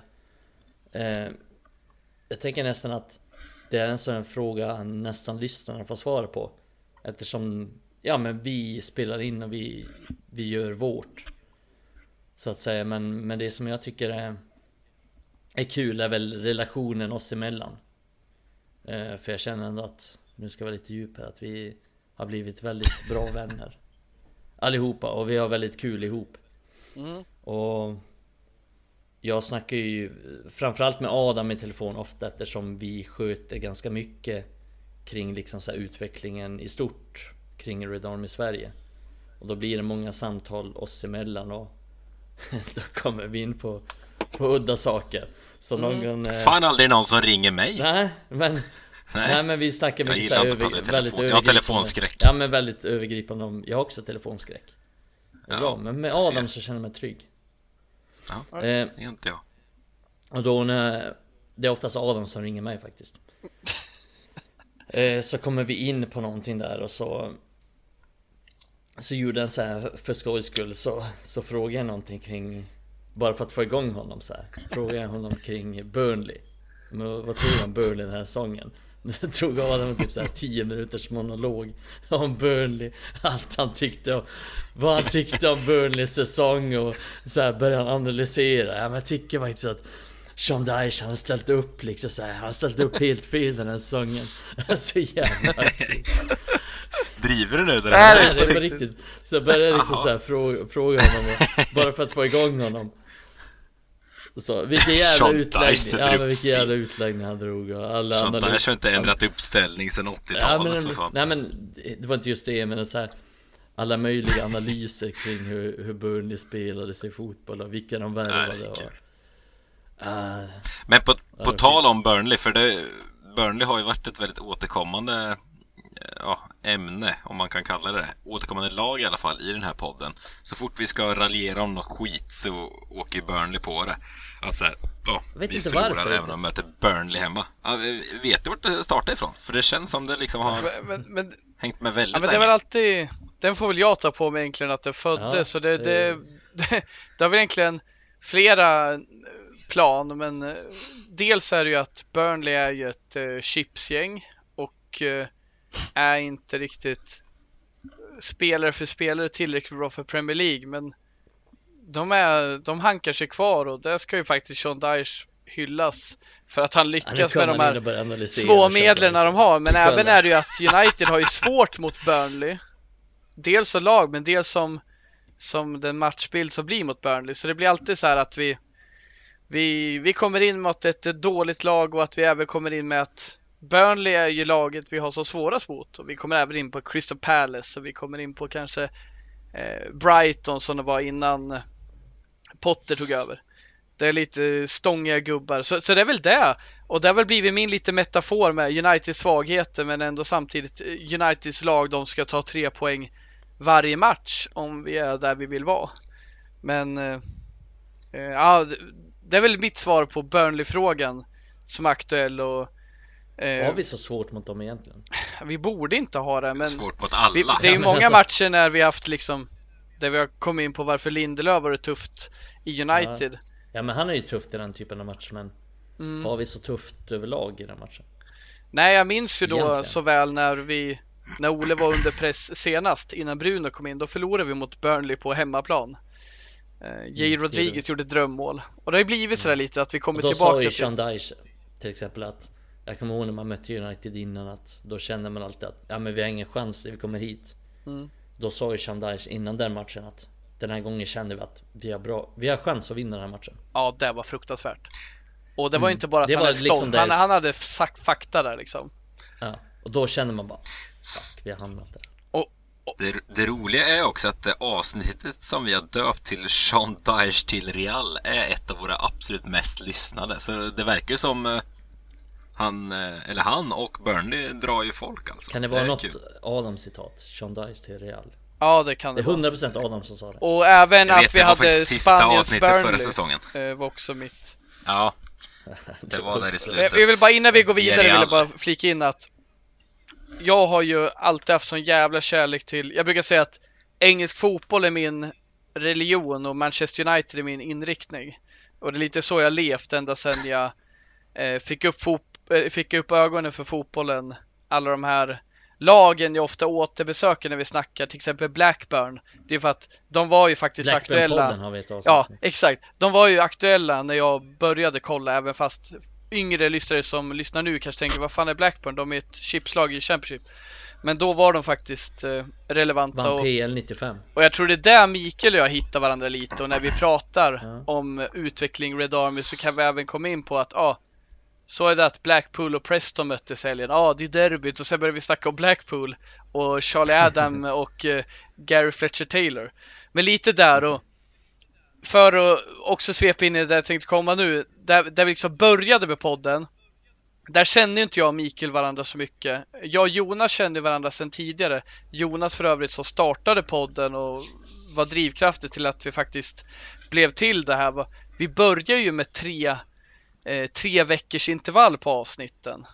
Och då hösten 2019 och vi tyckte det kändes bra. Fan, vi är ju, det är väl lagom så här. Men sen insåg jag, fan, det finns folk som vill höra, det kommer frågor, de tycker det är bra. Vi måste ju köra varje vecka för Leicester-matchen vi avhandlar i all entusiasm, fan den är ju helt jävla död hos lyssnarna. De har ju förträngt den innan vi går in på Arsenal. Jävligt, Liksom. dålig idé liksom så att vi skulle köra var tredje vecka faktiskt Ja, och det är ju som allt utvecklingsarbete. Man måste ju utveckla och ifrågasätta och till slut kommer vi dit och ganska snart insåg vi väl att vi ska spela in en match i veckan och det var där det här började födas och som alla har märkt som lyssnat på mig, jag, jag är ju inte sen att snacka om de här chipslagen som vi snackar om i Championship och varför är det så? Ja men tillbaka, jag älskar engelsk fotboll och jag kan sitta och prata med vem som helst om Burnley, Blackburn eller Blackpool, B-lagen. Det finns så mycket kul med engelsk fotboll och framförallt United då. Eh, Jag, jag tror vi skulle kunna starta en Championship-podd Mikael. Jag vet inte hur många som skulle tycka det var kul. Men du och jag skulle tycka det var kul att prata lite Jävlar Championship. vi skulle kunna sitta och raljera alltså. Ja, verkligen. Fan vad fint det var när Blackburn gick upp i PL förresten. Det var så...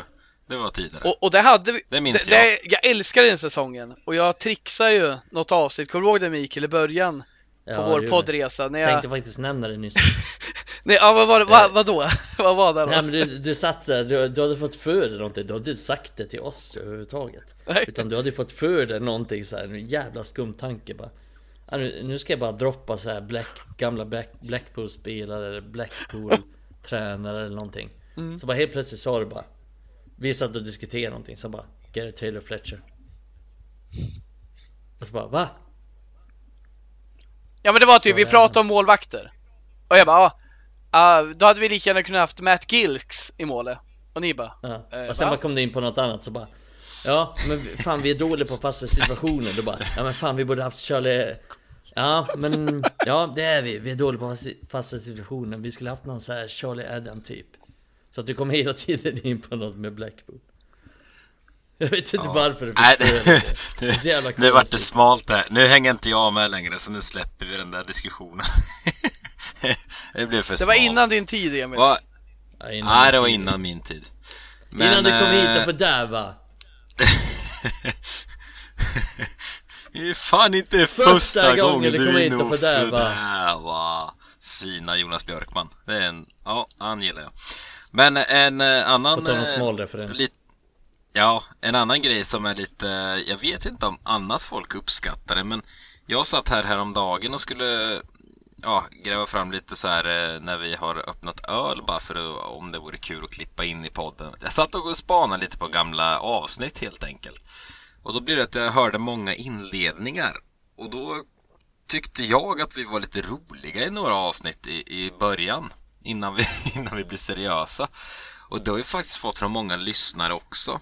eh, Att eh, just eh, inledningen är något folk uppskattar. Alltså innan vi pratar United, det säger väl någonting om Oroväckande. någonting kanske. Vi har inget att säga Ja, om det är det. Vi har bara något att säga om Det är det, ja. En personlig favorit jag hade var ju när vi insåg att vi alla hade haft träslöjdslärare som hette Bosse. Tänk att vi drar igång så där. Det kan bli en rolig start för alla lyssnare här. När ni inte vet att jag har börjat spela in, så vi kör. Emil här, Mikael och Adam är med också. Chockade, jag vet inte att jag har börjat spela in. lärare Bosse också. Ja. Jag har suttit och pratat om Bo. Jag lyfter min gamla träslöjdslärare Bo Flisborg som ett av de... Alltså det är ett komplett namn utifrån sin yrkestitel. Träslöjdslärare Bo Flisborg. Och då visade det sig att eh, ni båda har haft varsin träslöjdslärare som också heter Bo. Ja, Det, jag hade en eh, träslöjdslärare som heter Bo. Som bara hade en tumme. Och, eh, vi fick aldrig, eller jag fick i alla fall inte reda på varför. Men jag tror väl det haft någonting att göra med någon incident i den där träslöjdssalen. Det, är ingen Det kan tum- också vara påhittat. stickad. Kan det kan vara framkrystat att det har hänt något i träslöjdssalen bara för det känns som att det borde vara så. Men Ja, träslöjdslärare är ju inga... De, de delar inte sina historier, så att säga. De är väldigt inåtvända. Ja, det är de. Väldigt korta i sina svar. Jo. Visst kan man se på en person på en- att han är... Ja, fortsätt Emil, fortsätt. Jag tänkte säga, visst kan man se på någon person att den här gubben, det är en träslöjdslärare. Är alla stickor som sitter fast i händerna? Jag, så här, jag får lite så här, uppkavlad skjorta, typ. Uppkavlade ärmar på skjortan och lite så här. Jag vet inte. Ja. Jag ser, ser framför väldigt mig. hårigt bröst också. Ja, ja. Kommer att det tänka på vara. nu en annan träslöjdlärare jag haft. Eh, Mats heter han. Funkar Eh, också det han- namnet. Ja, det, det råkar vara min... Det, det fick vi reda på senare dag liksom. Men när, man, när jag träffade Mikaela då, min sambo, då visade det sig att det är hennes morbror. Ja, ja, men ni hör ju där. Det Har jag helt- berättat om min träslöjdslärare som heter Bosse?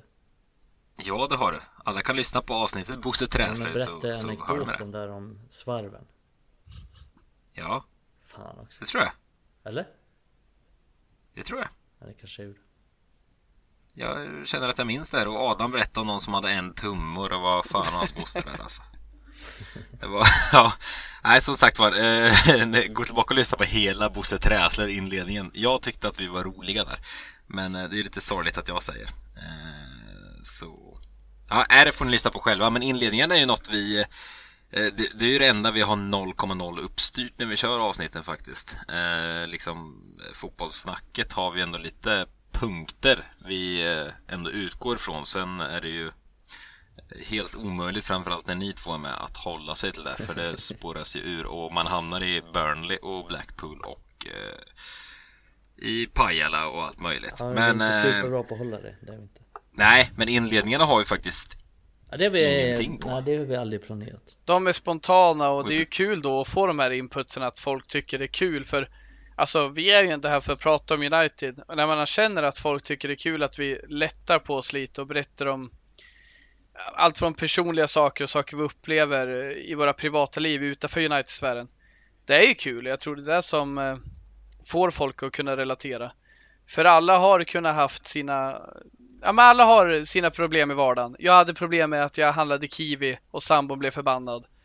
Och det kanske inte är en kiwi som Janne som lyssnar på oss handlar, men det kanske är ett Kinderägg med fel eh, papper runt som han fått skit för. Det är så. Man bör, man, fel papper runt. Kinderägg! Då skulle, då skulle jag prata med Kinder i första hand, men det är ju... ja, men jag minns ju Mikaels eh, bakning där liksom. Jag tror alla har haft, man behöver kunna ha saker att relatera till. Just det! United är en gemensam Du hade nämnare. bakat med kakao va? Eller hur var det? Vår granne som Nej, kom nej, in, det nej, var skulle mycket stökigt. Stones och så hade jag Så Så hade jag någon ingrediens som fattades och så försökte jag ersätta det med kakao Men det blev sådär Istället för vetemjöl, ta kakao, det är ju pulvrigt och bra. Jävla dåre alltså. ja, du, Som att du har bättre koll på bakningar Helvete Ja, ba bakade faktiskt kanelbullar till kanelbullens dag som var här för några veckor sedan. basic. Kan, Fan, så jävla kanongoda. Kladdkaka där med. Eh, nej, jag... Eh, fan, hoppas inte min sambo lyssnar på det här avsnittet. Hon, lyssnar, hon får för sig att lyssna på ett par avsnitt ibland. För hon kommer slå ner på att jag är en hejare i köket då. Men nej, ja. Lyssnar hon inte ens på Eh, alla? Det är svagt Nej, nej, hon, är, hon lyssnar så mycket på mig ändå. Så det, Ja, jag köper hon att hon är inte jävligt lyssnar. trött på att lyssna på dig Helt enkelt Ja, det ska hon vara också. Eh, med lite fler grejer som, eh, som eh, lyssnare hört av sig om och, och eh, poängterat att de tycker lite kul. Dels har vi fått höra att eh, jag, må, eller jag har fått höra att jag måste se Jökboet som vi pratade om för eh, det var inte jättelänge sedan, det var ju i våras någon gång tror jag.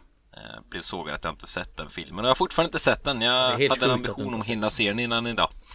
Ja, men vad Ja, det är fortfarande ingen som har levererat någonstans där jag kan se den. Jag tänker inte hyra den på SF Anytime för 129 spänn Pirate för att ha Bay. dygn. punkt. Det är olagligt Så att jag klippt bort det Kristoffer Men Pirate Bay Ja. Nej, jag ska lösa Jökboet någon gång. Jag lo lovar att meddela alla det. Men eh, nå- något framförallt som folk har fastnat vid och eh, som vi också fastnar vid, det är Andreas Pereira. Han har ju gjort en väldigt blek figur i sin eh, ja, märkligt långa United-karriär. Han tillhör oss fortfarande fast han är utlånad. Vi blir aldrig av med Vad, honom. vad... Ja, men vad... Varför pratar vi om honom? Så Ska mycket. du ta vid Mikael eller ska jag dra igång? Nej men det är... Varför pratar vi om det? Svårt svar på. Det är väl för att han var en central del av en ganska svag tid under, under vår period så att säga. Under, under Oles liksom inledande säsonger där det inte såg så bra ut innan Bruno, Bruno Fernandes kom. Så det är väl därför vi snackar om honom så mycket. För att han har fått så extremt många chanser och tagit så få av de chanserna. Jag tror att Pereira är en av dem som har spelat flest matcher för United. Men som är bland de sämsta spelarna. Om ni förstår vad jag menar. Och det är liksom så här no offense mot Pereira men han har gjort Jag har för mig att han har gjort 75 matcher för United. Och han är en av de sämsta spelarna som har gjort så många matcher för United. Eh, Så det är mycket därför vi, vi snackar om honom. För att han har spelat så mycket men inte presterat. Lite sorglig symbol kanske. Ja, men Han beskriver mycket symbol, av hur definitivt. mörkret har varit liksom. Och det- det Fan finns ju några här- Stackars honom. Jag för Känner mig- mig fan taskig. Ja men jag för... Hoppas inte han lyssnar. Ja men jag för mig att det är... Nu har jag dålig koll men det finns, fanns en spelare som heter Ralph Milne Som spelade typ på 80-talet i United. Han var tydligen känd för att vara rätt dålig Under en ganska svag period för United. Och jag har inte sett honom, jag var inte med på den tiden Jag var inte ens född när han spelade liksom. Men Det kanske blir lite samma kultspelare där på ett sätt att En spelare som fick mycket speltid men För Manchester United men som inte var särskilt bra och det är ju lite så jag ser på Pereira. Faktiskt. Och, och det där är intressant, det är precis så jag känner Mikael. Det är en spelare som är symbolen för där United, när vi gick från att Mourinho kickades och Solskär tog vid till att Solskär skulle bygga sitt nya lag och faktiskt Pereira ingick i den planen. Och jag minns när jag kom in i Red Army, det var februari 2019.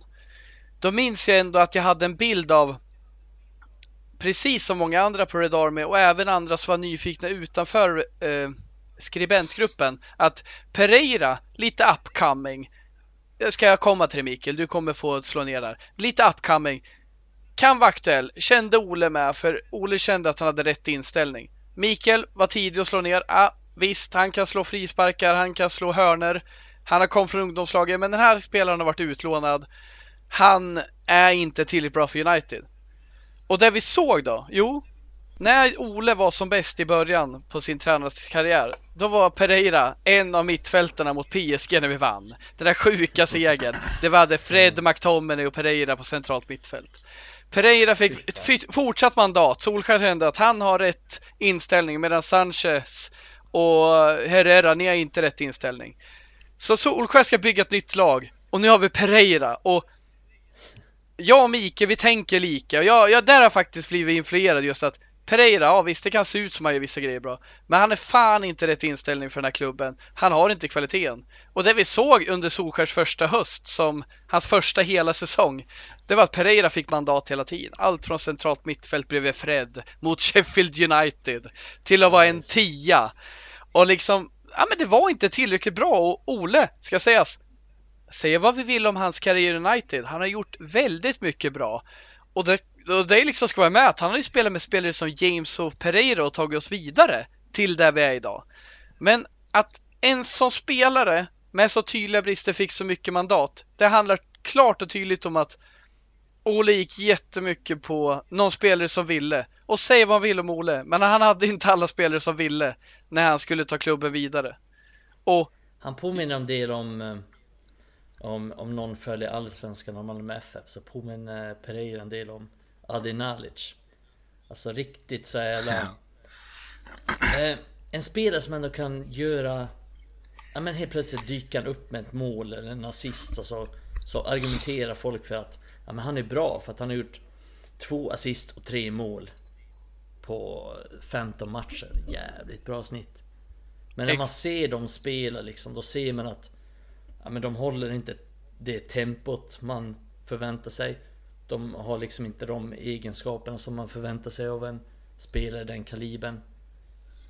Och de är helt enkelt jävligt svaga i själva spelet sett till hur liksom vad man förväntar sig från den typen av spelare. För att båda de spelarna är ju en form av nummer 10 liksom. De ska prestera, de ska dominera matcher, de ska vara kreativa. Men, men de är inte riktigt det och Andreas Pereira, det känns som att vi... Inget ont om honom för att han är en... Nej, men, det är en bra fotbollsspelare liksom. Han, han kommer spela i ett bottenlag i La Liga om två år. Och det är inte illa pinkat liksom. Det är, alltså, får man den karriären, får en svensk den karriären. Alltså en Renault-svensk, då är det ju hur bra som helst. Men han är inte bra nog för United och det är väl därför vi så här halvhånar honom lite. Men liksom, han, han har inte det som krävs för United och, och det är så jävla tydligt när man ser honom. Alltså man behöver bara se honom två, tre matcher så ser man att det är tydligt att han har inte riktigt det. Han, han har svårt med tempot, han har svårt när han väl får bollen liksom så går det för snabbt. Och han har inte... Han gör inte tillräckligt många mål för att liksom spela som en tia i United. Han har inte tillräckligt många assist. Alltså han, har, han har inte riktigt de här egenskaperna i sig. Alltså varken poängmässigt eller spelmässigt. Har vi fastnat i Pereira igen och diskuterar honom spelmässigt? det är, Ja! det är så det ska gå till i vår podd. Ja, det verkar faktiskt inte bättre. Jag minns bara Pereira, någon, jag vet inte varför, jag minns fan inte ens exakt vilken match det var. Men det borde varit tre, fyra år sedan någonting. Då satt jag i Vemdalen på någon form av afterski pub-aktig. Han är ofta på någon slags ju- afterski du Emil. Ja, men United mötte då... Fan. Vill få det till att vi mötte Sevilla. Kan varit något annat. I alla fall, var något lag vi borde slå i om det var Champions League eller... eller? Jag minns inte exakt, men jag minns att Pereira var med och han var fullständigt usel och United var usla och jag satt där i bardisken. Jag, jag och min sambo här, vi hade bara varit ihop i något år då. Hon Och började redan tveka. Ja men, ja men det var lite färskt här och hon var snäll och följde med mig till den här puben för att sitta och se den här matchen som liksom var Ja, typ februari-mars någon gång. Det var ju svinkallt ute. Det var en Fint av sån kvart i nio. Nej, det var väl en sån kvart i nio match liksom. ändå. Eh, ja, Lyssnade det på ska det hon ha. Hanna, det... Ja, men av där sitter jag. Ja, och det, nej, det var så mörkt. Pereira var så usel. det är liksom min go-to Pereira. Jag minns det så väl att jag satt på den här puben. Det var knappt någon annan som brydde sig om fotboll mer än jag. Och jag satt där och... Nej, det var... Det var mörkt. släpper vi Ja, Pereira nog om Pereira. Nog om Pereira. Vad har vi mer som folk? Det var något, något jag har garvat mycket åt som eh, det var inte jättemånga avsnitt sen. Det är att jag tycker det är väldigt kul fortfarande när någon från våran, eh, från Red Army Sverige kallar det för ras. Eh, och vi sa RAS-podden och så. Det, det är kul. Och det var någon som hörde av sig och sa, Adam tror jag, våran lyssnare, som sa att eh, han också tycker det är högst uppseendeväckande när någon, när någon kallar det för RAS-podden och ras... Ja, Ja, men typ att det han, kan uppfattas helt fel. att han reagerar på det, eller vadå? Ja, men han hade reagerat. Jag tror det var Adam. Eh, Adam vad Kuffs reagerar på, på? Twitter. Fin följare. Nej men alltså han hade reagerat på att en, en raspodd skulle kunna vara väldigt eh, nazistiskt lagd eller något sånt. Och det är det jag garvat åt också att det, kan inte kalla det raspodden. Det kan ju vara helt... Ja, i något Vi är så vana vid det, så vi inte reagerar. slutet av 30-talet. Nej, vi Ja, jag har fortfarande inte, fortfarande inte vant mig vid det. Men eh, vi får se om jag gör det någon gång, kanske. Raspodden, raspodden, raspodden, raspodden. Nej, det har varit ännu obehagligare. Pratar om det som ett mantra. Så. Raspodden. Något mer? Eh, ska, vi, ska vi gå dit, eh, Mikael, eller? Du vet vart det är på väg? Nej, faktiskt inte. Ja, men om du gissar. Vart, vart vill vi få Adam? Oh. Ska vill vi, få vi pratar om... Så vi pratar om pappa Mino. Oh, Mino Raiola. vad tycker du Adam om mina violer? Vad tycker Vad du? tycker du om honom? Vill du prata om det eller ska vi klippa in något här när du, Nu, nu när kommer du det bli så här, vansinnig när? Adam drar igång nu så kommer det bli så att han försvinner Ja. igen. Det blir alltid så när han blir totalt upphetsad. Men- Men Adam, du får, du får välja själv. Vi har ett litet härligt klipp att klippa in här, eller klipp, Mm. heter det klipp när det är ljud? En ljudfil att klippa in här. Vill du ha den nu eller vill du vara arg först själv? Ja, ni vi kan väl börja med klippet så att eh, folk som inte har fattat fattar. Så kan vi Ja, gå ja, efter. men då gör vi det. Nej, verkligen. Jag håller med. Men om vi ska gå vidare här, fast fortfarande stanna kvar i Burnley-matchen. Eh, Paul Pogba nämndes i början här. Eh, han har ju ja, matchens lirare två matcher i rad, får man väl nästan säga här nu, i ligan i alla fall. Eh, men Absolut vad, vad, alltså, vad tänker man kring honom? Vi satt ju här för, vad är det, en och en halv månad sedan nu innan hans, eller Raiolas uttalande var det framförallt där innan Ta inte Champions upp den där jävla grisen. Ja, men, det, ja, men jag jag tänkte, hatar honom. Nej, men för fan. Det Ja, men- väl kul om eh, Pogba kunde släppa den där grisen och bara fokusera på fotboll, vilket han gjort nu. Eh, Ja, men han har ju För varit mig- fantastisk nu. Är det naivt att Absolut. tro och hoppas på att eh, allt blir guld och gröna skogar och vi förlänger med Pogba och han blir en viktig kugge i Solskärsbygge? Jag tror att... Eh, jag tror så här, om, om Pogba får fortsätta spela nu sporadiskt lite i de matcherna som passar honom. Jag vill ändå ha kvar liksom att McTominay och Fred spelar vissa matcher. Funkar jävligt bra. Eh, men att som Pogba har blivit inslussad nu, det har gått skitbra. Jag tror det kommer fortsätta levereras bra fotboll från honom om, han, om allt går vidare nu med eh, på liknande sätt det gjort de senaste matcherna. Men vi får ha med oss att kommer ett landslagsuppehåll sen och vad heter det, Mino Raiola får trycka tillbaka det där kugghjul i nacken på Pogba så kommer det kunna ske pr- trubbel. Och jag har ju med mig det. Det är ju Raiola ett stort problem. Att Pogba med Raiola är ett stort problem. Men jag tycker att visar han så här bra och håller käften och spelar bra fotboll och vill sitt bästa, då får han gärna vara kvar. Sen ser jag liksom att i framtiden jag kommer inte säga att han ska väck om han gör en världsklassinsats hela våren och tar oss till ligaguldet. Men vi har ju snackat om det innan. Så som situationen är med Raiola som agent, det håller inte i längden. Det gör det inte. Men han ska spela mycket nu när han gör det här. För det finns inget, inget som tyder på nu efter det här tjafset som varit att han haft dålig inställning eller någonting. Jag tycker han har levererat skitbra fotboll. Visat en god attityd, varit proffsig och jävligt bra också i många matcher. Ja, men det, där hör ni, ni som inte har fattat har fattat. Adam, vad, vad känner du kring Raiola? Och vad, vad känner du kring att brusa upp? Överlag? Ja. För det ska inte bara fastna i Raiola. Du brusar upp Vad ska vi, vad ska vi det? börja med?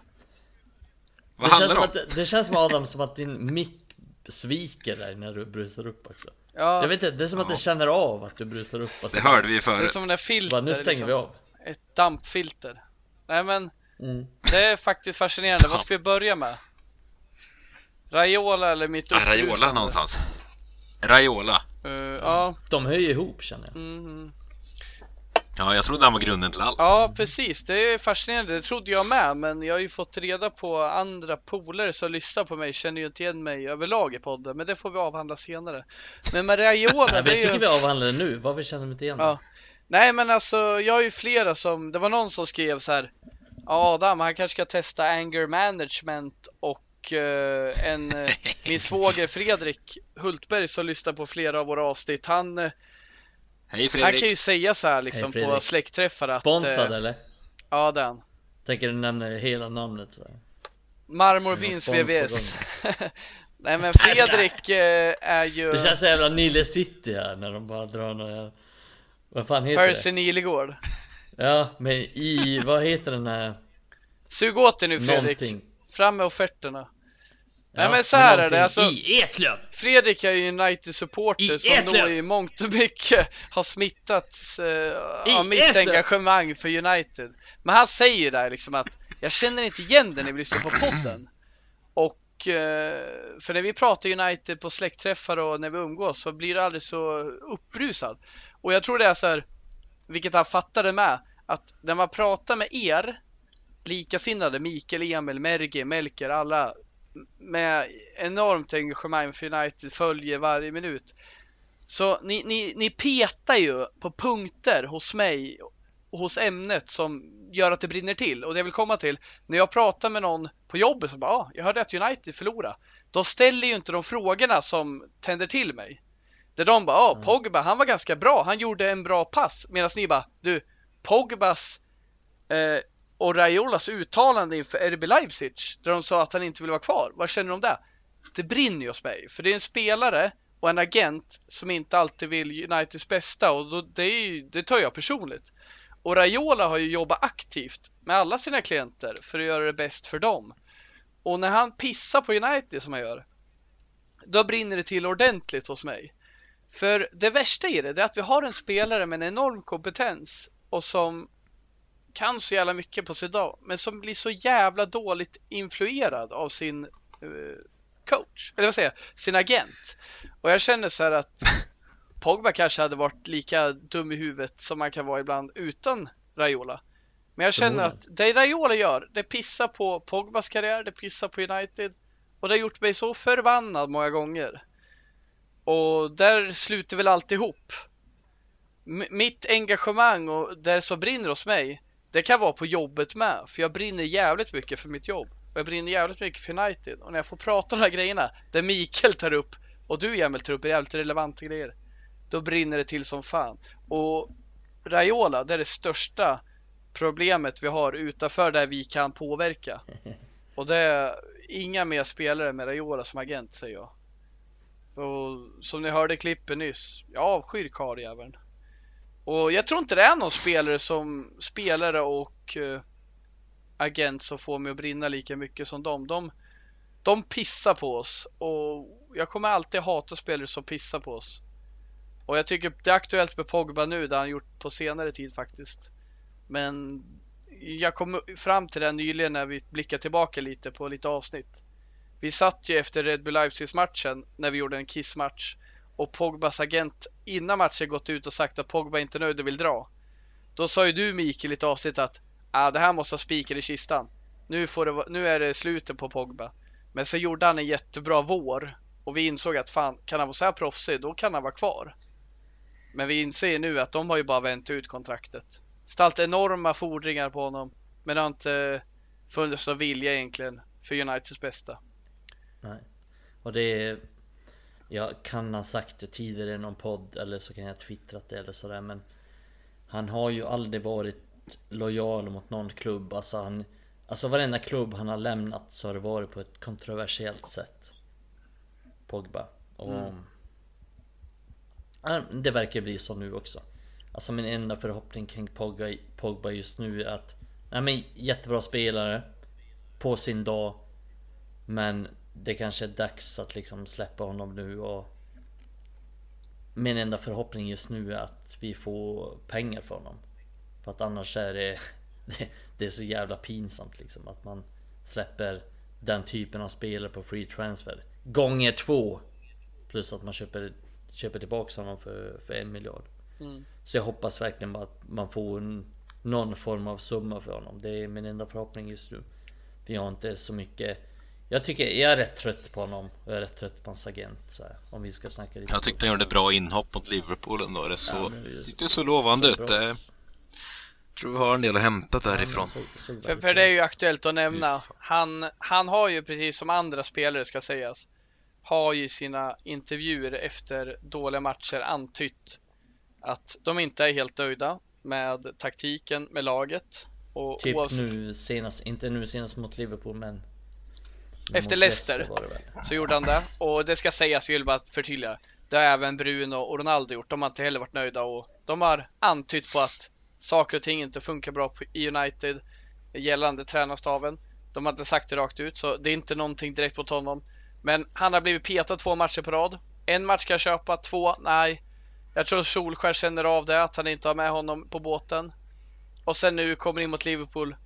Och precis som alla andra gör en kass insats. Han är helt bakom 3-0 målet där han tappar boll på mitten och gör en klantig tackling. Han är inte sugen på den här klubben. Han har inte skrivit på nytt kontrakt än. Ska han vara bläst betald i Premier League som det ryktas om? Nej, han ska inte ens ha den lönen han har nu i United så som han spelar. Och jag skiter faktiskt i om folk sitter och tittar på mig om han är kvar om ett år och han har gjort 20 assist i 20 matcher. Det finns ingen långsiktig lösning med Pogba, tyvärr. Jag tycker också det är en fantastisk spelare, men det har inte funkat i United. Jag tror inte det spelar någon roll om vi får in en ny tränare.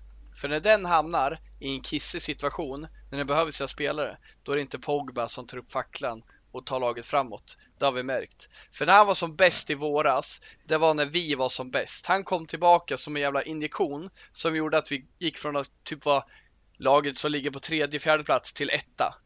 Tack det Pogba. Men nu när vi behöver dig som mest, när vi är så sämst, då kör du ner oss i diket. Tyvärr. Jag tror inte han är lång, jag tror inte han är långvarig i någon annan storklubb. Egentligen. Tror inte jag heller. Jag är så trött Ja, på om jag ska vara helt ärlig så här, man, jag, jag förstår det argumentet med att Ja men Pogba är hur bra som helst och han, han presterar i Frankrike och han kommer vara bra i PSG så, här, så, så vidare så vidare. Men jag tror inte han är långvarig Liksom så här som Som startspelare, som nyckelspelare i någon annan storklubb. Alltså jag kan inte se han Funka superbra i City eller Liverpool eller, eller något sånt där. Jag tror faktiskt inte det. Jag tror att Ja, det är, det är en spelare vi mår bäst av att Av att släppa om jag ska vara Har du vänt där Emil eller står du kvar? För jag vet ju att du tycker han är världens bästa spelare i världen. Men jag, tyck, jag tycker också han är bra och så här, men jag, tror- jag tror att United Jag tycker också han är bra, men vi måste se till helheten liksom. ja. Alltså jag- tycker alltså när han är som, när han är sitt bästa. Så jag ser knappt någon annan mittfältare i världen som är lika bra som honom. Det är, ja, det är ett par namn som går att argumentera mot där. Men alltså... Jag vet inte. Nej, jag, alltså jag håller med som ni säger. Han är ju, det känns som han är ett gift någonstans, men jag tror fortfarande att går han till, eh, jag vet inte vilken klubb här och nu, men går han och så, jag, jag tror under rätt tränare, rätt förutsättningar, ett, ett lag som funkar, jag tror man kan få ut så fruktansvärt fantastiskt mycket från honom, för han är, nej, det finns en sån rå talang där, han är fantastiskt bra, men eh, det är han inte. Rå talang, det är ju Hannibal. Jo, men, ja, jo. Det är Mikaels område. Skål på den. Nej. Nej. Är Mikael kissar nu? Ja, det är han. Det är så jävla tydligt. Va? Det tyckte jag var roligt. var du kissa? Kanske. Ja, kul. Var det då- mig eller? Nej, det var Adam som började prata om Hannibal från ingenstans. Ja okej. Nej, Emil sa att, eh, Att det är en Pogba är en rå rå talang. talang. Som att det finns mer att Ja, det slipa är på en- där. Som att, fan, Ja, men ja, det får han finns lite det. mer tid? Han och Ole. Han och Ole behöver lite mer tid. Både han och Ole behöver mer tid. Så. Pogba behöver Ja, sex, ja, Pogba kanske. behöver tre transferfönster. Pogba med fler transferfönster. Ja, fy Tre fan, till förstår ni, vart vi, förstår ni vart vi har landat eller att vi sitter här och hånar vårt eget lag? Det ska vara deppigt, men man kan ju fan inte göra Var du hämtat en shot eller Mikael? Ja, Ja, bra. eller beror på vad du, vad Ja. Emil sa. Jag tog en shot. Ja, det Gjorde du? Ja, Hur många, Vad hur du för många något? öl innar du? åtta. Nej, fan vet jag. Fem kanske. Vad shottar du för något? Ja, det är Oso. inte fem. Jag dricker Oso för Maguire ikväll. Nej. Vad dricker du? Grekiskt. Åh fy fan. Uh, Men jag vi kan grek diskutera Hannibal här nu. Nej, det ska vi inte. ja, Nu ska vi prata det minnen. Hannibal i framtiden. Ungdomspodden eh, kommer snart. Ja, det kommer i... När vi får lite mer Nästa tid. landslagsuppehåll. I november ja. Ja, nej, ja, du har ju koll på landslagsuppehåll, du gillar ju landslaget. Nej Du det gör jag gillar inte alls. Men jag kollade upp när vi har tid att spela in det. Och det var... Ja, men du gillar ju supporterkulturen runt eh, svenska landslaget så. Du, du hejar ju på det där, det har du sagt. Jag har en liten nostalgisk utläggning Emil. Som vi kan bygga tack. på runt sen.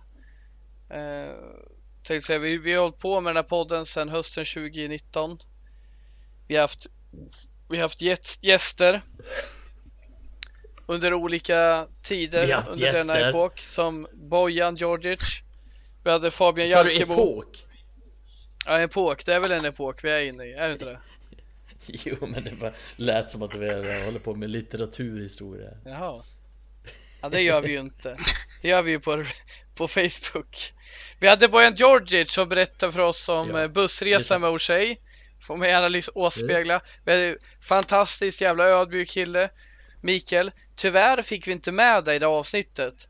Men Vilket? det som ska sägas med Bojan Djordjics avsnitt är att det avslutades ju inte med att vi bara, ja, nu får det vara nog. Nu avslutar vi, på, äh, avslutar vi det här avsnittet.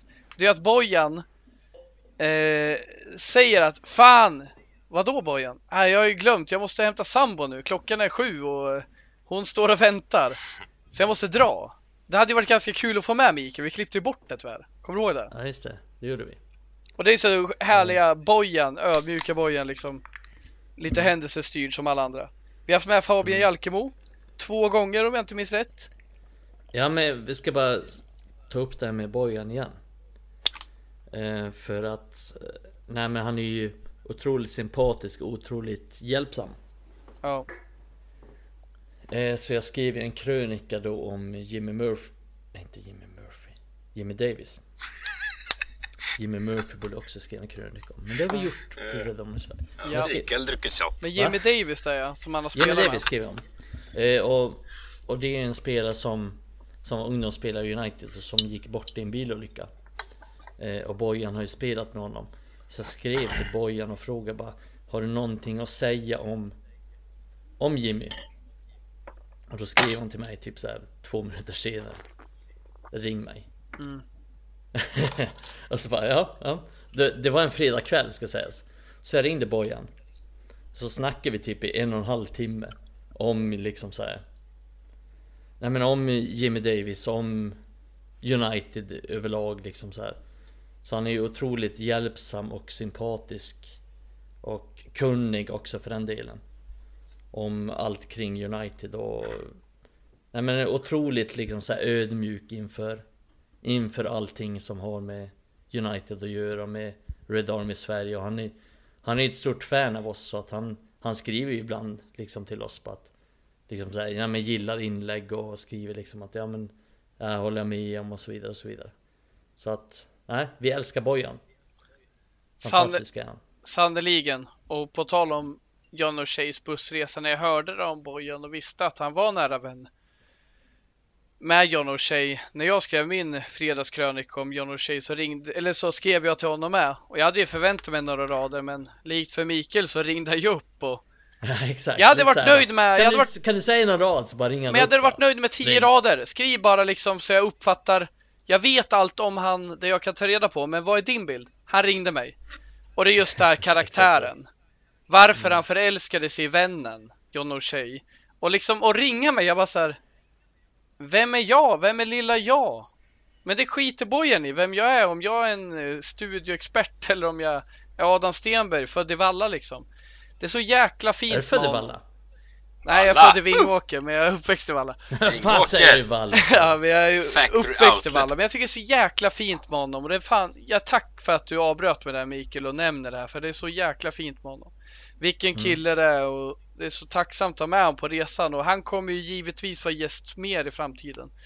För det är Ja, inte bara en ja. kunnig spelare som har träffat Sir Alex Ferguson, som har träffat legenderna. Han är en jävligt bra människa och det kommer man långt med. Tack för att du avbröt mig 100, där Mikael. han, han är 100% United också så Ja, eh, Väldigt liksom så här kunnig inom United men också väldigt passionerad nu Kring United Vilket ty- jag tycker är det viktigaste Så att man är passionerad kring Kring klubben och kring United och det är han Och det var en av Ja, frågorna verkligen. vi fick när vi frågade om vad vill ni att vi pratar om nu när Bojan Djordjic är med?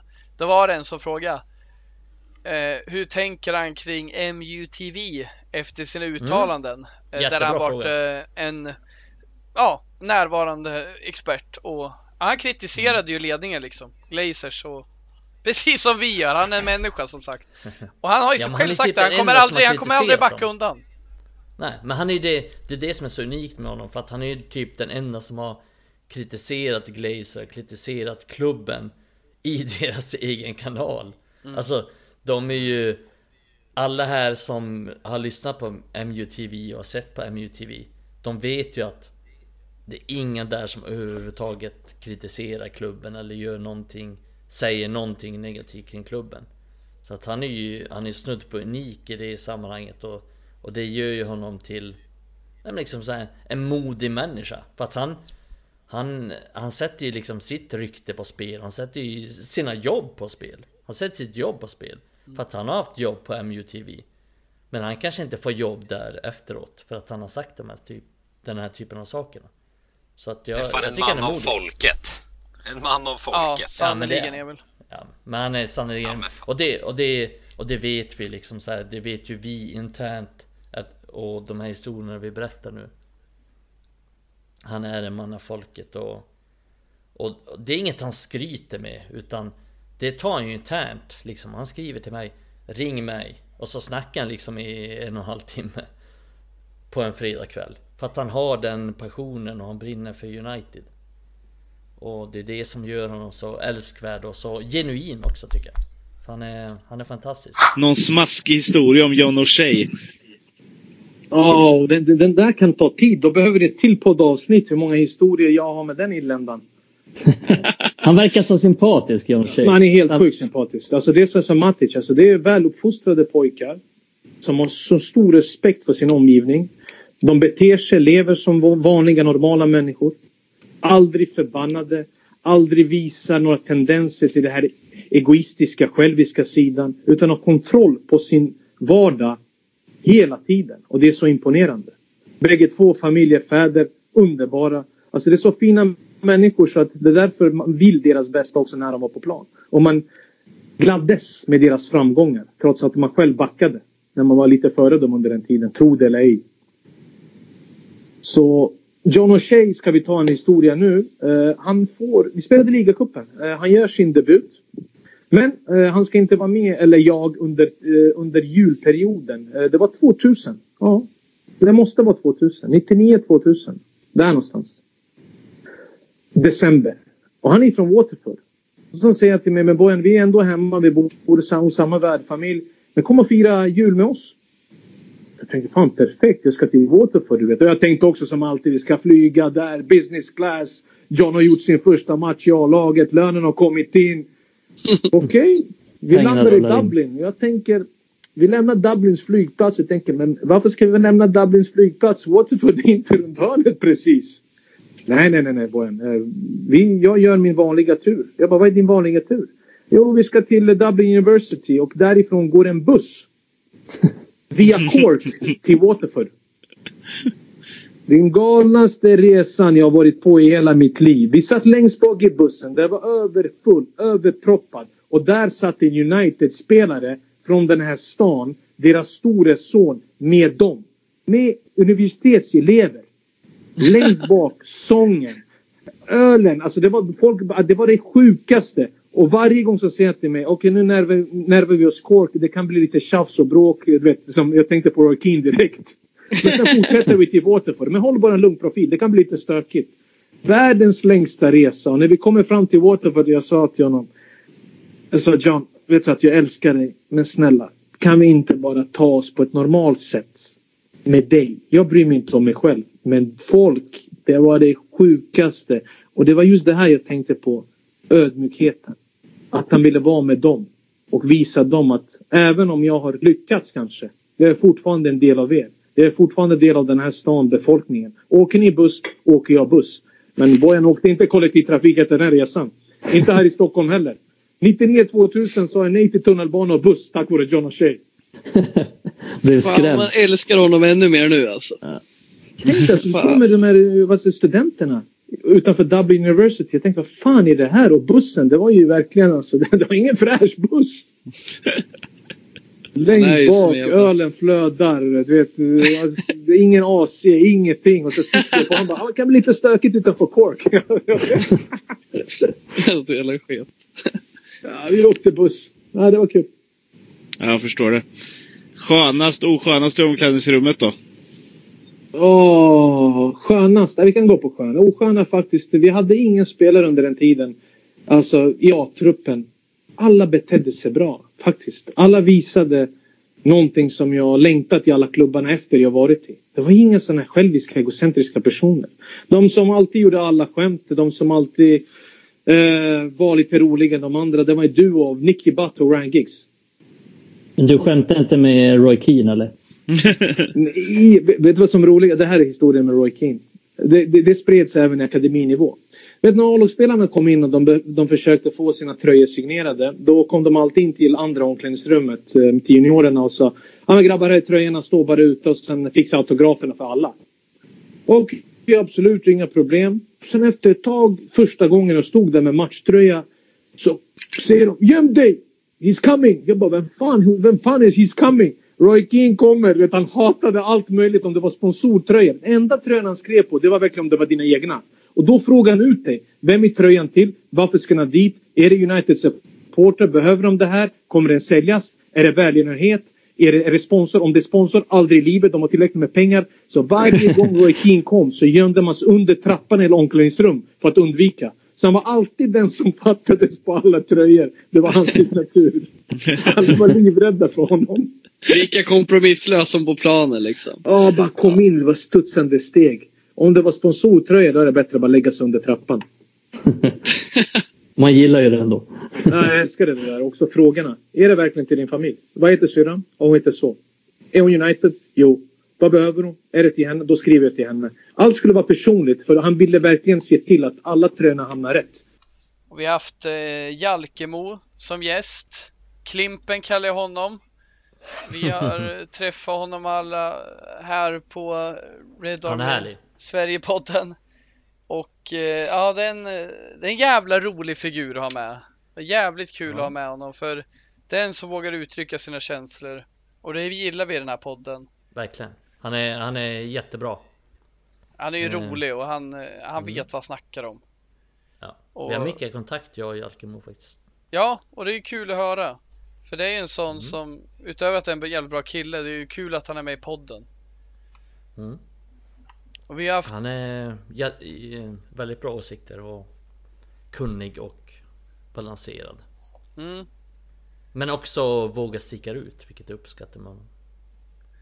ja vi kan ju se vad vi vill om åsikter. De kanske är bra, de kanske är dåliga från oss, men det är viktigt att våga uttrycka dem och inte bara göra som alla andra säger. För, för, för de som inte vet så är jag med i, Dobb-TV väldigt mycket. Mm. Och Premier League-podden till vardags också. Ja. Och det tycker jag är roligt att följa dem som Premier League-älskare. Men Patrik Lundberg, en annan gäst som du också känner igen Mikael. Det var ju du som Eh, lockade ja, hit honom. det, Ja, det är en av mina bästa kompisar faktiskt. Mm. En um, otroligt sympatisk kille och en av Sveriges bästa författare. Måste jag säga. Det är, han är topp tre mest sympatiska människor jag någonsin har träffat. Mm. Så han är he- helt otroligt kul. Men det är otroligt kul när han var här och, och vi snackade mycket om Jison Park för att han har ju eh, bakgrund i Sydkorea, Patrik. Ja.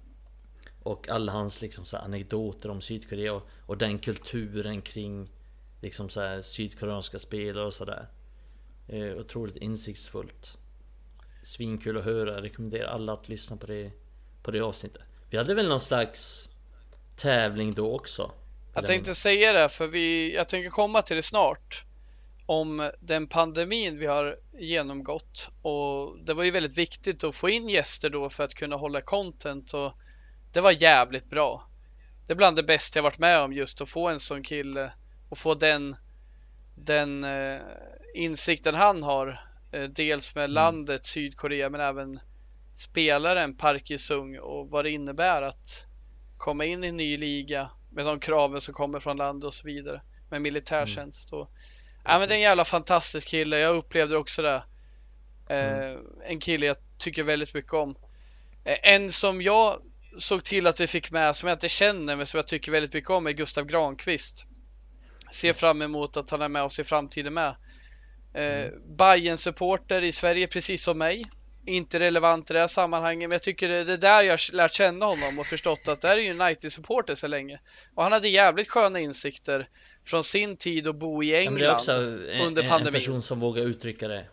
Absolut. Här, vågar uttrycka sina åsikter och ganska starka åsikter men ganska bra åsikter tycker jag. Ja, och en av anledningarna till att vi kan hålla en bra nivå här på podden. Vi har haft jättefina gäster och han är en av dem. Alltså, jag tycker han är en underbar kille. Vi hade osynliga handen med som tog in den ekonomiska aspekten. Han kom in i en jävligt Det är annorlunda vårt mest tid. lyssnande avsnitt någonsin tror jag. Ja, Det är det. Jag kollade faktiskt innan eh, vi spelade in idag att eh, den ligger kvar etta. Och när Ja, det, det tycker jag är fair enough liksom för att det är så jävla bra Ja. avsnitt för att han har så mycket relevant att säga om Uniteds ekonomi och Det är, Om det är väldigt intressant för folk som inte håller på United också. Alltså bara själva insikterna liksom Ja men det, det tror jag. ekonomin som sådan. Eh, väldigt relevant för, för alla tycker jag att, att lyssna på den. Den Och där- heter handel också. Där är man ju ödmjuk och lycklig också att få med en sån gäst som kan dels ge bilden av hur fotbollen faktiskt ser ut men även den ekonomiska aspekten som jag tycker att jag har ganska bra koll på. Vi har ingen chans mot honom när det kommer till det för han jobbar ju fan Nej. Det är Fan, hela hans bra. jävla fan väsen inte. alltså. Fan vad bra han var alltså, tycker jag. Superbra. Ja, det, Det är första gången jag har varit tyst. Adam också. Ja, och en annan bit. Jag kan sitta här och vara Jag med. kaxig. Jag kan Jag sitta med. och vara kaxig. Jag kan tycka att jag kan den taktiska biten ganska bra och jag tycker den är rolig. Men när vi får in David Selini som är jävligt djup i sina taktiska aspekter. Han, fick, han gav mig en jävla käftsmäll senaste av de två gångerna han är med. När han snackar om de absolut mest fundamentala problemen vi har och hur faktiskt McTominay och Fred, vilket jag köper helt och hållet, är de bästa alternativen för att stävja de fundamentala problem vi har idag. Att Ole är som mest trygg med Fred och McTominay för det kommer skapas ytor när United spelar som vi gör och de är de som är de minst dåliga alternativen centralt. Det var min bild när jag lyssnade på avsnittet som utanför. För det var ju ni två som var med David. Men han förklarade så jävla bra om problemen vi har men också förklara varför folk eller varför vi har McTominay och Fred, spelare som folk kritiserar rätt ofta. Jag tycker det blir, blir ganska intressant i avsnittet, speciellt så här i efterhand eftersom att Nej men han, han berättar ju mycket om att Ja, varför spelar Fredde McTominay? Ja, varför ser det ut som det gör? Men de problemen har ju blivit tydligare och tydligare tycker jag Speciellt liksom i efterhand Så att, att lyssna nu liksom och höra att Ja men det finns ingen riktig tanke med de här sakerna eller det finns det och det och det sker och så vidare och så vidare och så vidare. Mm. Det tycker jag blir väldigt intressant att höra på så här i efterhand eftersom det blir så tydligt. Mm. Med, med vad våra problem är, tycker jag. Och han hade ju kunnat suttit och prata i fem timmar om det så. Mm. Men vi har ju tiden vi har. snackar faktiskt om det med, med David där. Ehm, Jag har ju ganska mycket kontakt med honom också. Eh, Och då snackar vi efteråt om att fan vi får köra ett så här tre timmars avsnitt nästa Maraton. gång. Nej men liksom han bara- hade ju bråttom till en match ju. Ja, han skulle ju träna. Ja men det är det som är så kul. Han, han är ändå så assisterande fortsatt. tränare i, i division 1 lag så Han bara fan sista bussen går nu, jag måste dra. Eh, Det när, är Torsk mot Dalkurd vet jag att jag såg i efterhand. det blev det. det gillar jag inte. Ja, synd. ja, men så, värd? så är det ju väldigt mycket där också att han liksom var, var, var tvungen att dra och sådär. Lite som Bojan. Mm. Han ville vara... Han ville köra lite längre. Så här, Bojan hade också kunnat prata i fem timmar utan problem. Bojan ja, han hade kunnat prata i sex timmar utan problem. Sju timmar utan problem. Men, Hade men ingen stoppat honom så hade han pratat. Vi hade suttit hela natten. sist, sist, Hade men, ingen in, stoppat oss hade vi suttit här hela natten också. Ja. men, men sist men inte minst av de externa gästerna vi har tagit in så är ju Henrik Olsson som jag mycket väl kan förlika mig med psykologiskt Älskar alltså. Henke Olsson. Jag älskar honom, just den här passionen, känslorna, en stor lyssnare till oss som ofta gett input Mm. och som ofta har interagerat med vår podd. En fantastisk människa. Känslorna just, och det är det allt handlar om i slutändan. Vi kan snacka taktik, vi kan snacka om hur och när. Men en sån kille som ofta är på plats, som har sett och som älskar den här klubben. på plats liksom. Mm. Han var där igår och mådde dåligt så. Ja, Stackarn. och det är en del av Fan supporterskapet. resa. Och ja, men det är en kille som jag verkligen kan förlika med. Och eh, ja, men jag tyckte det var underbart att ha med honom. Och det är så här, fan. Vi är podden, men de här killarna har gjort det så jävla bra för oss. Och jag hoppas att killarna även blir tjejer i framtiden. Vi har lagt ut lite spår här och var och det kommer komma.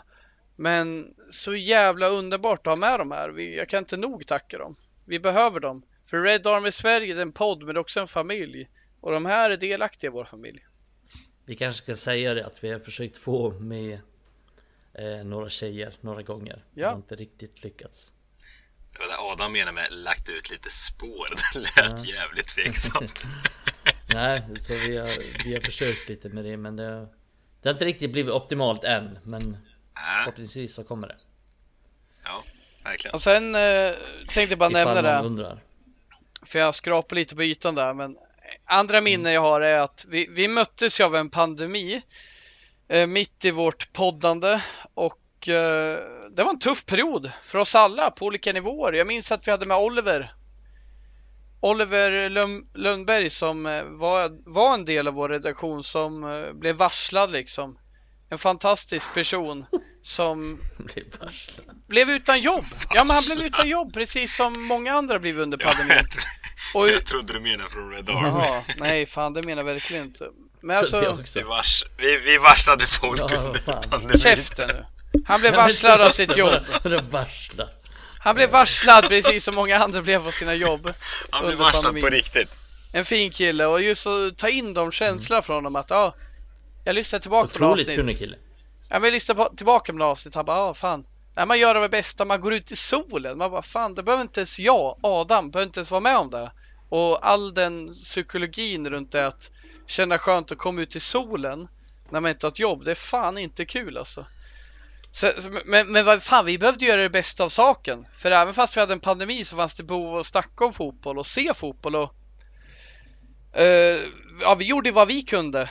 Mikael, du, jag och Jonas. Vi körde lite Galeo de Pay. Skapade ett segment där vi skulle snacka Mm. om det positiva och det negativa från situationen som var under pandemin. Eh, Det är många som vill ha tillbaks det. Vi har fått många meddelanden Mm. om att de saknar det. Exakt. kan komma. Så det, de tyckte Ja, det var kul. komma. Vi hade quiz där vi utmanade varandra. Mikael vann ju i långa loppet, men egentligen var jag bäst, det vet man ju. Ja. Men... Det, det är ingen slump så här att de som lyssnar de vet att jag vinner det. Ja, och Så. skämt åsido, det är fan inte problem att förlora mot dig Mikael, det ska sägas. Du vann för fan den här jävla tävlingen i Viasat-studion. Ja, otroligt. Det, Gåshud. ja, sjukt är det. Det klippet. Du får lägga ut det klippet någonstans. Men jag vill Ja. bara säga det här, och det har egentligen ingenting med podden att göra, men med Red Army Sverige att göra. Och bland det stoltaste ögonblicket jag har sen jag blev med i Red Army Sverige, det var när vi möttes av den här pandemin. Behovet fanns, folk, folk älskar fotboll, folk vill följa fotboll. Vi har satt börja sända nostalgiska matcher och vi fick upp en snille idé att fan gubbar. Vi gör det för följarna. United möter Juventus i Champions League på repris i Viasat. Vi har en pissig period, vi gör det bästa av det. Vi gör en preview. Vi gör en inför matchfakta som vi brukar göra i vanliga matcher. Vi gör en matchanalys. Vi gör införsnack. Vi gör något roligt av det och folk tyckte det var så jävla kul. Vi fick så sköna kommentarer man bara älskar att vara skribent. De bara fan vad kul att ni gör en preview inför Juventus under dessa tider och jag bara satt och gnugga in mig i all jävla fakta. Vad kan jag få fram? Och det är den 100% bästa jag... Så är det. Ja, det är det bästa jag varit med om hela mitt liv. Jag älskar att skriva previews. Men att få skriva preview till en repris, det trodde jag aldrig skulle göra. Men behovet fanns. Vi har satt hjälpte oss. Vi löste biffen materiellt. Och det är det bästa jag varit med om. Och jag vet att folk har uppskattat det och det gör mitt hjärta så varmt liksom. Hur, Det minns jag väldigt väl, för det var innan min tid på, i redaktionen. Men jag minns väldigt väl att jag eh, garvade lite garvat? gott åt... eh, Alltså, ja, men dels garvar man ju åt att så här, fan vilken härlig grej att man gjorde som att det var en riktig match fast det bara var... Ja, fast det var repris liksom. men hur, Nej, men var- hur överlägset skulle vi kul. vinna de här jävla Dobb-TV tävlingarna? Hur enkelt skulle vi vinna dem? Vilken quiz eh, tjoflöjtet. Ja, jag skulle ju lätt hade med dig Mikael. enkelt va? Oh, jag hade vunnit. Jag hade vunnit. Ja, vi hade fan vad jag lite jag trodde på mig. Jag hade vunnit. Ja, ja. Inga bekymmer. Inga bekymmer alltså. Men det är kul att de håller på där. Det är kul att Fabian håller på där och att han är en av de som vinner där. Men men, men det är kul. Nu har jag rabblat upp några minnen. Har ni några fler att dela med er av? Jag har ju ett dåligt minne. Ja, Punkt. Jag har också rätt dåligt minne men Jag satt och tänkte på något nyss, men eh, Adam höll i sin... eh, Du höll i länge. För jag satt och tänkte på något som du var inne och touchade på. Och nu kommer jag inte ihåg det, så nu blev det här väldigt svagt det jag sa nu. Du ska be mig hålla käften. Jag minns ju i alla fall att vi spelade Nej, in jag en... för eh, försynt. Jag minns ju att vi spelade in en livepodd mot Fulham. Ja, det var den jag tänkte prata om Just faktiskt. Det. var den jag tänkte. Det var sjukt. Att vi bara sköt från höften. Vi hade ingen aning. Vad fan ska vi vi göra? älskar Ska vi Emil. Det finns inget Emil älskar mer än att vi Ja, skjuter nej. från höften. Eller hur? Kan vi inte testa det här? Ja, det är Emil. Fulham mötte vi, vill jag Emil minnas. sätter bössan mot höften och bara skjuter. Alltså, jag, jag, mi- min farsa kom in med en eh, analys mitt i ett avsnitt vi hade och jag minns, jag tror det var den matchen. Men alltså, jag minns så väl att jag satt hemma hos mina föräldrar och jag blev helt galen när Cavani gjorde mål. Han gjorde ett mål från halva plan, det var den matchen. Eller han gjorde en längre chip, det var väl från 45 meter i alla fall. Kommer knappt ihåg det för att... Jo då, det var, det var Fulham vi mötte. Jag ser det här när jag, jag var tvungen att Japp, kolla var live här. Eh, Avsnitt 85. Bland de Tror det var först, sista matcherna. första liksom. gången... Ja, sista matcherna? Ja men bland de sista matcherna förra säsongen. Ja, men jag tror det var första matchen när det var publik tillbaka på Old Trafford faktiskt. Eh, Efter pandemin så att säga. Jag tror det var ett. Vilket par var det? närmast sörjande där. Jag vet inte fan. Nej. Och även här ser jag att vi återkom till Pereira gång på gång står det. 18 maj spelades det in. Ja, Vi åter- fick vi- ni veta det. Vi kom tillbaks till Pereira också. Ja, tydligen. Lätt hänt. Ja, fantastiskt. Det har varit hundra fina avsnitt i alla fall. Hoppas att alla lyssnare tyckte. Men jag är ett gäng som har eh, hängt kvar och eh, blivit fler också under tiden ska sägas. Så eh, något trevligt är det väl. Tveksam om eh, mer än 30% orkat hänga kvar hit. Jag gissar att det är Henke och någon mer. Hoppas att Henke hängt med det. Henke har druckit Ja. öl hela vägen. Henke får kommentera om, hans, om han lyssnat hela vägen hit. Det hoppas jag i alla fall. Hoppas jag också. Eh, vad sa du? Det hoppas jag också. Ja, det sa du. Du börjar sluddra sådant nu Mikael. Får börja skärpa till det. Det är Nej, mycket skämt- möjligt att det börjar sluddra här nu. Jag, jag är några öl in. Hur många öl in är ni? Eh, fem tror Sex jag. öl. Vadå fem? Du kan inte vara fem. Kan- du var ju fem för typ en timme Kan vara sex. Du var ju fem för Kan en timme sedan. Sex då? Adam. Jag vet inte. Jag tog en shot också förut. Ja, det gjorde inte jag. gjorde jag också. Jag måste sägas också att jag drack en... Eh, nej, jag, jag var... Eh, det vart tungt i lördags. Eh, Men det är fan ingen ursäkt nu. så, så, ja, jag, ja, men jag hade en två dagars bakfylla. Då har man blivit gammal ni. Fy fan. Vad fan spelar det för roll? Det är också två dagars bakfylla. Det Och kan jag vara. vet, men jag har ju... Nej, det, Jag har fan varit bakfull sedan jag var syn. 15. Ja. Ingen jävla då ursäkt. är Adam åttabarnsfar också. Det är ingen ursäkt det. Nej, det är det faktiskt inte. Det är uselt. Hoppas vi styr upp någon eh, sån här träff snart med alla härliga lyssnare och följare. Ja, en rasträff, ja, då ska jag visa vad ras går för. Vad jag är för ras. Ja, fy fan. Du kommer ändå somna Nej, först. det blir Så- konstigt. Så är det. Ja, nej. Kämpa. Men eh, vi hoppas att alla lyssnare hänger med oss framöver också och eh, är ännu mer delaktiga och skriker på oss vad ni tycker att vi gör dåligt och bra och vad ni vill höra mer av. Har Vince kommit Eh, fram till något de här senaste timmen? Nej, det tror jag inte. Jag tror det är fruktansvärt svagt innehåll sista timmen, men det, det får det vara. Fruktansvärt tråkigt. Ja, det var Det får det vara. Det får det fan vara. Ja, vänder vi block så hörs vi eh, om någon vecka igen. Då har vi mött eh, Tottenham, för de möter vi på lördag på bortaplan. Så eh, då sitter vi nog här pratar. Fast de är fruktansvärt dåliga också. Det är ju ett bottenmöte i Premier League där, så vi får se. El Sakiko.